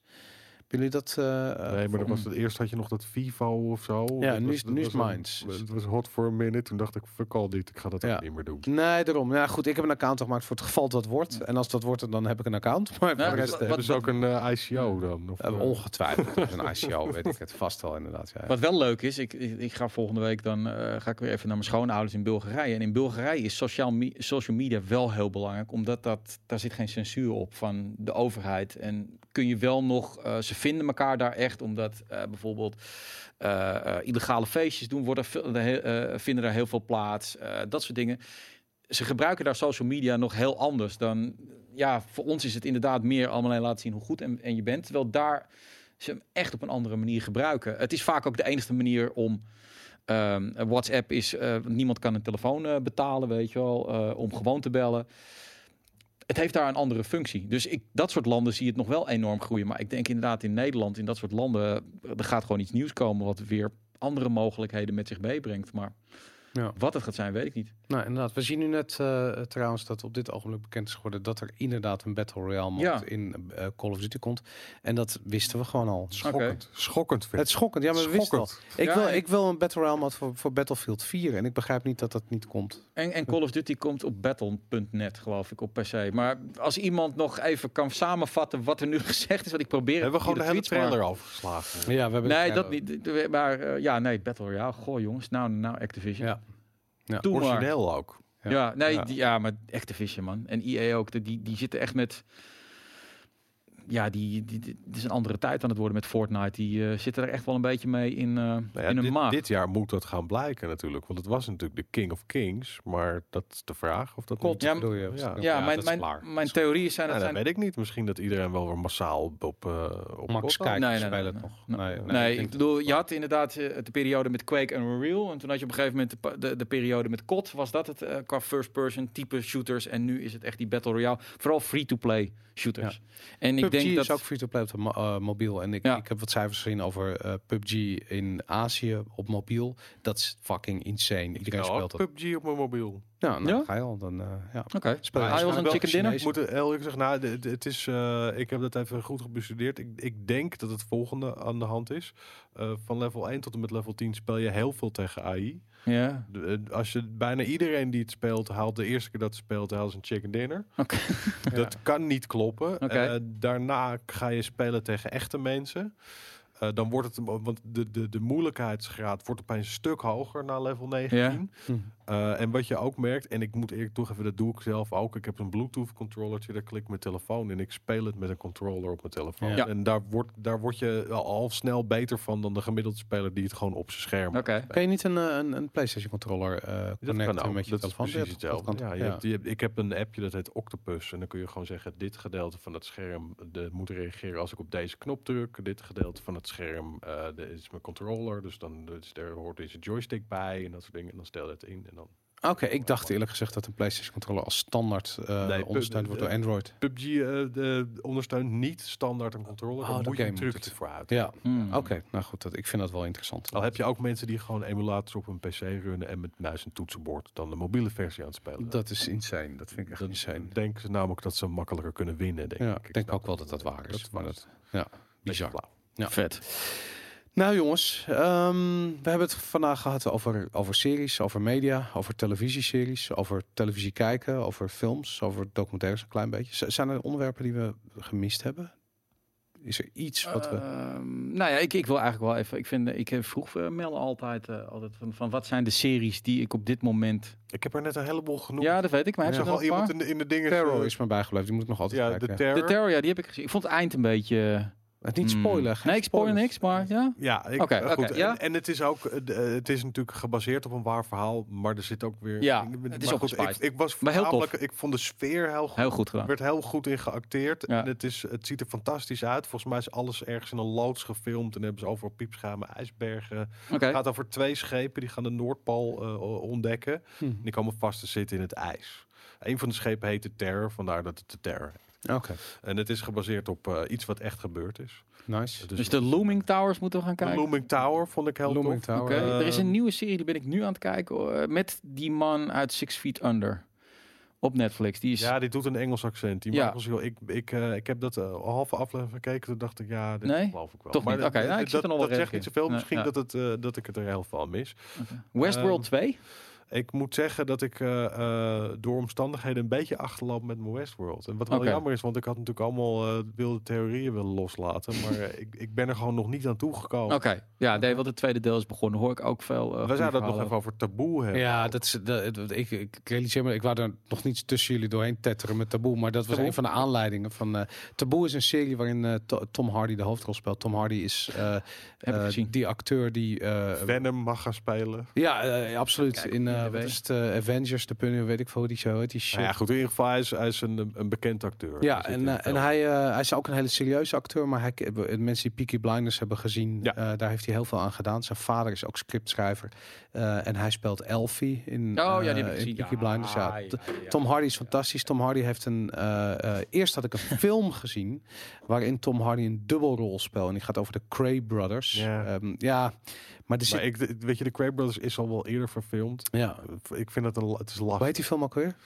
Ik weet alleen dat die gasten van eh Spandau Ballet daarin spelen. Die Ja. twee broers van Spandau Ballet spelen daar de Cray Twins in. Ik ben even verge- vergeten hoe dit heet vast gewoon de Craze. Of Als ze jong zijn of zoiets. Ik zie hier heel veel Tom Hardy Legend, Legend, de- Legend. Sorry, Legend. eh, ja, ja, Legend is zeg maar de, de latere versie ook over de Cray Oh. Brothers. En dan, er, zijn zeg maar... Maar daar speelt Tom Hardy namelijk een dubbelrol bij de broers. speelt, ja, ja. Dat, eh, maar goed, anyway, ik, ik, vond, ik vind Tom Hardy fantastisch. Ik Ja, dat zo'n goede acteur. En eh, in Taboe speelt hij eh, een, een, een, een echt een fucking sikke eh, personage. Hij speelt een ex-soldaat die terugkomt uit Afrika, terug naar Londen. Om een, eigenlijk om een debt te settelen. En ik ga er verder niks meer over zeggen, want het, het is fucking fantastisch. Film, de serie staat helaas niet op Netflix. Ik heb hem gewoon oldschool Ja. getorrent. Maar ehm, ja, ik schaam me er ook niet eens meer. Als het niet op Netflix staat, fuck it, waar moet ik het dan kijken? Weet je? Ik De bedoel, eh, BBC toen het werd uitgezonden. Eh, ja, is dat het? Is het niet ergens anders zien? Ik weet, ik weet niet. Ja, Ja, dat was in ieder geval gewoon. Maar ik kijk geen een tv, dus ik- snap wat moet ik nou met de BBC, groot gemist? Heb je gewoon bijna taboe gemist. Nee, maar ik wil, ik, wil, ik wil het ook binge-watchen, weet je. Ik heb helemaal geen zin Ja. om fucking elke week eh, naar de BBC te gaan kijken. Maar anyways, Taboe was eh, echt... Ik, ik vond het mind-blowingly goed. En er zat een, zat een, een niveau van realisme in... waar ik echt gewoon heel erg Ja, eh, maar ook weer niet. Het is, het, ik denk dat het wel, het is een heel erg polariserende serie, want ik denk dat mensen gaan er heel erg van houden of ze gaan het haten. En dat Ja. komt ook omdat eh, het, is, het is volgens mij echt een passion project van Tom Hardy. Ja. Ze hebben hem gewoon geld gegeven en gezegd, doe er maar iets mee, want anders hadden ze hem dit niet laten maken. Dat En niet veel geld geven waarschijnlijk, maar dat... eh, Nou ja, dat zie je er niet aan af. Want Ja. ik bedoel, toegegeven, het speelt zich heel vaak af in een soort van eh, rottend eh, huis ergens of zo. Maar dat toch heb ik niet het gevoel, dat het is niet goedkoop gefilmd. Het ziet er heel goed uit. Ja, nou, het is fucking sick. En het, eh, nou goed, er komt het tweede seizoen van. Dat is aangekondigd. eh, eh, hoe heet het? Taboe is in 2000, is een serie uit 2017, halverwege 2017. Ja, zoiets. zoiets. Ja, ik heb het. Ja, dus daar komt nu dit jaar, volgens mij wordt het al gefilmd, een tweede seizoen van. En ja, ik, ik, ik kan niet wachten. Ik vond het echt heel goed. Volgens mij moeten ze nog beginnen met draaien. Zijn ze nog in de Ja. scriptfase. Maar wat ik heel goed vind aan die serie, wil ik nog even kwijt, is dat ehm, eh, ik hou heel erg van, van interessant acteerwerk. En eh, dat zie je, weet je, ik vind het vooral interessant als je niet ziet dat mensen aan het acteren zijn. Maar wat je ziet bij die serie, of in ieder geval wat ik merk, is dat iedere keer als, er, een- als hij in beeld is, Tom Hardy in beeld is, Mhm. dan ontwricht hij de boel een beetje. Dan loopt het niet zoals het lekker zou moeten lopen. Ja, Hij is een hele moeilijke guy. En Ja. dat merk je door de manier waarop die het floot. En dat ligt Ja. echt allemaal aan de manier waarop hij het acteert. ja. Maar zijn hij- uitstraling, dat een- spat van het scherm. Ja, maar een andere acteur had die rol niet kunnen spelen. Nee. Niet zo in ieder geval. Nee, dat heb ik- dat idee heb ik is een, eh, En de, ik bedoel, er zit vrij veel geweld in die serie. En het is echt te hard. Maar het is fucking ja, maar aan de andere vet. kant denk ik wel dat dat is hoe het toen ging. Ja, tuurlijk ging het zo. Ja, nee, een leven was niet zoveel waard. Nee. Dus dat, eh, ja, maar taboe, absoluut jongens. Als jullie een, eh, een, ehm, een aanrader nodig hebben, ga alsjeblieft de serie eh, Taboe kijken. Ja. Ik ga inderdaad eh, Looming Tower en eh, The Terror eh, Allebei op eh, Amazon. Ja, Prime. Terror Oké, is nou, neem ik Amazon. Om even gratis Ja. reclame te maken. Nou, dan neem ik mijn gratis maand Amazon, eh, ga ik daar Dat zou voor doen. inzetten en dan ga ik dat kijken inderdaad, ja. Dus eh, eh, dat is leuk. En eh eh, jij had Flint Town eh, als Flint Town is heel goed. Ja. Ehm, En kijk volgende maand op eh, Netflix natuurlijk eh 13 november. Die serie over de aanslag in Parijs die heel erg bruut Ik ben benieuwd. Ja, ik ben ook benieuwd. Ja, toch een verhaal wat nog heel erg veel eh, eh, ja, vertellen nodig heeft. Meer kon. ik blijf tekst, bij- als ze in meer. hun auto blijven zitten, kunnen Fransen echt wel wat. Vet. Nice. Oké mannen, dit Ja. was, eh, dit was de Nerd Culture podcast. De Game Kings podcast van deze week. Uh, Melle, dankjewel voor je komst. Ja, Eh, ik vond het gezellig. Hoop je snel wat te zien. Misschien eh, rond E3 een keertje een, eh een nabeschouwing. Ik en ben down. En wat ik ook nog even kwijt wil, dus ik zat... eh ik, de groeten doen de nu? Andere, nee, nee, Oh, ik oké. heb andere podcasts natuurlijk ook allemaal geluisterd. En wat me heel erg opviel is dat Valerio en Rogier lachen hetzelfde. Dus misschien moet je Rogier een keertje langs. Ah, oké, ja, dat wil dat ik ook. hoor je dus alleen maar op, op, op het moment dat je zeg maar mensen Ja. alleen maar hoort. Ja, nou, ik, eh, Rogier gaat zeker langskomen. Ik, ik, ik moet je eerlijk zeggen, Rogier heeft me aan de podcast gekregen. Dus ik Ik heb godverdomme al drie jaar tegen je aan het Ja. zeggen dat je een podcast moet doen. En nu ga je Rogier een beetje credits geven. Ja, maar dat kon, je kon met te veel ingewikkelde series voor me aan, films voor me aanzetten. je moet gewoon gewoon een microfoon voor je giegel. Ga een beetje blaten. Dat Ja. werkt. Ja, nou ja, goed. Ik, ik zat nog in die Joe Rogan. Ik moest door de Joe Rogan fase. Ik moest eerst Joe. Rogan echt gewoon alles gezien hebben en dan pas, dan pas verder. Dat, Oké, eh, nou, goed, dat heeft even geduurd, maar nu ben ik er. Thanks, guys. Yes. Jij ook.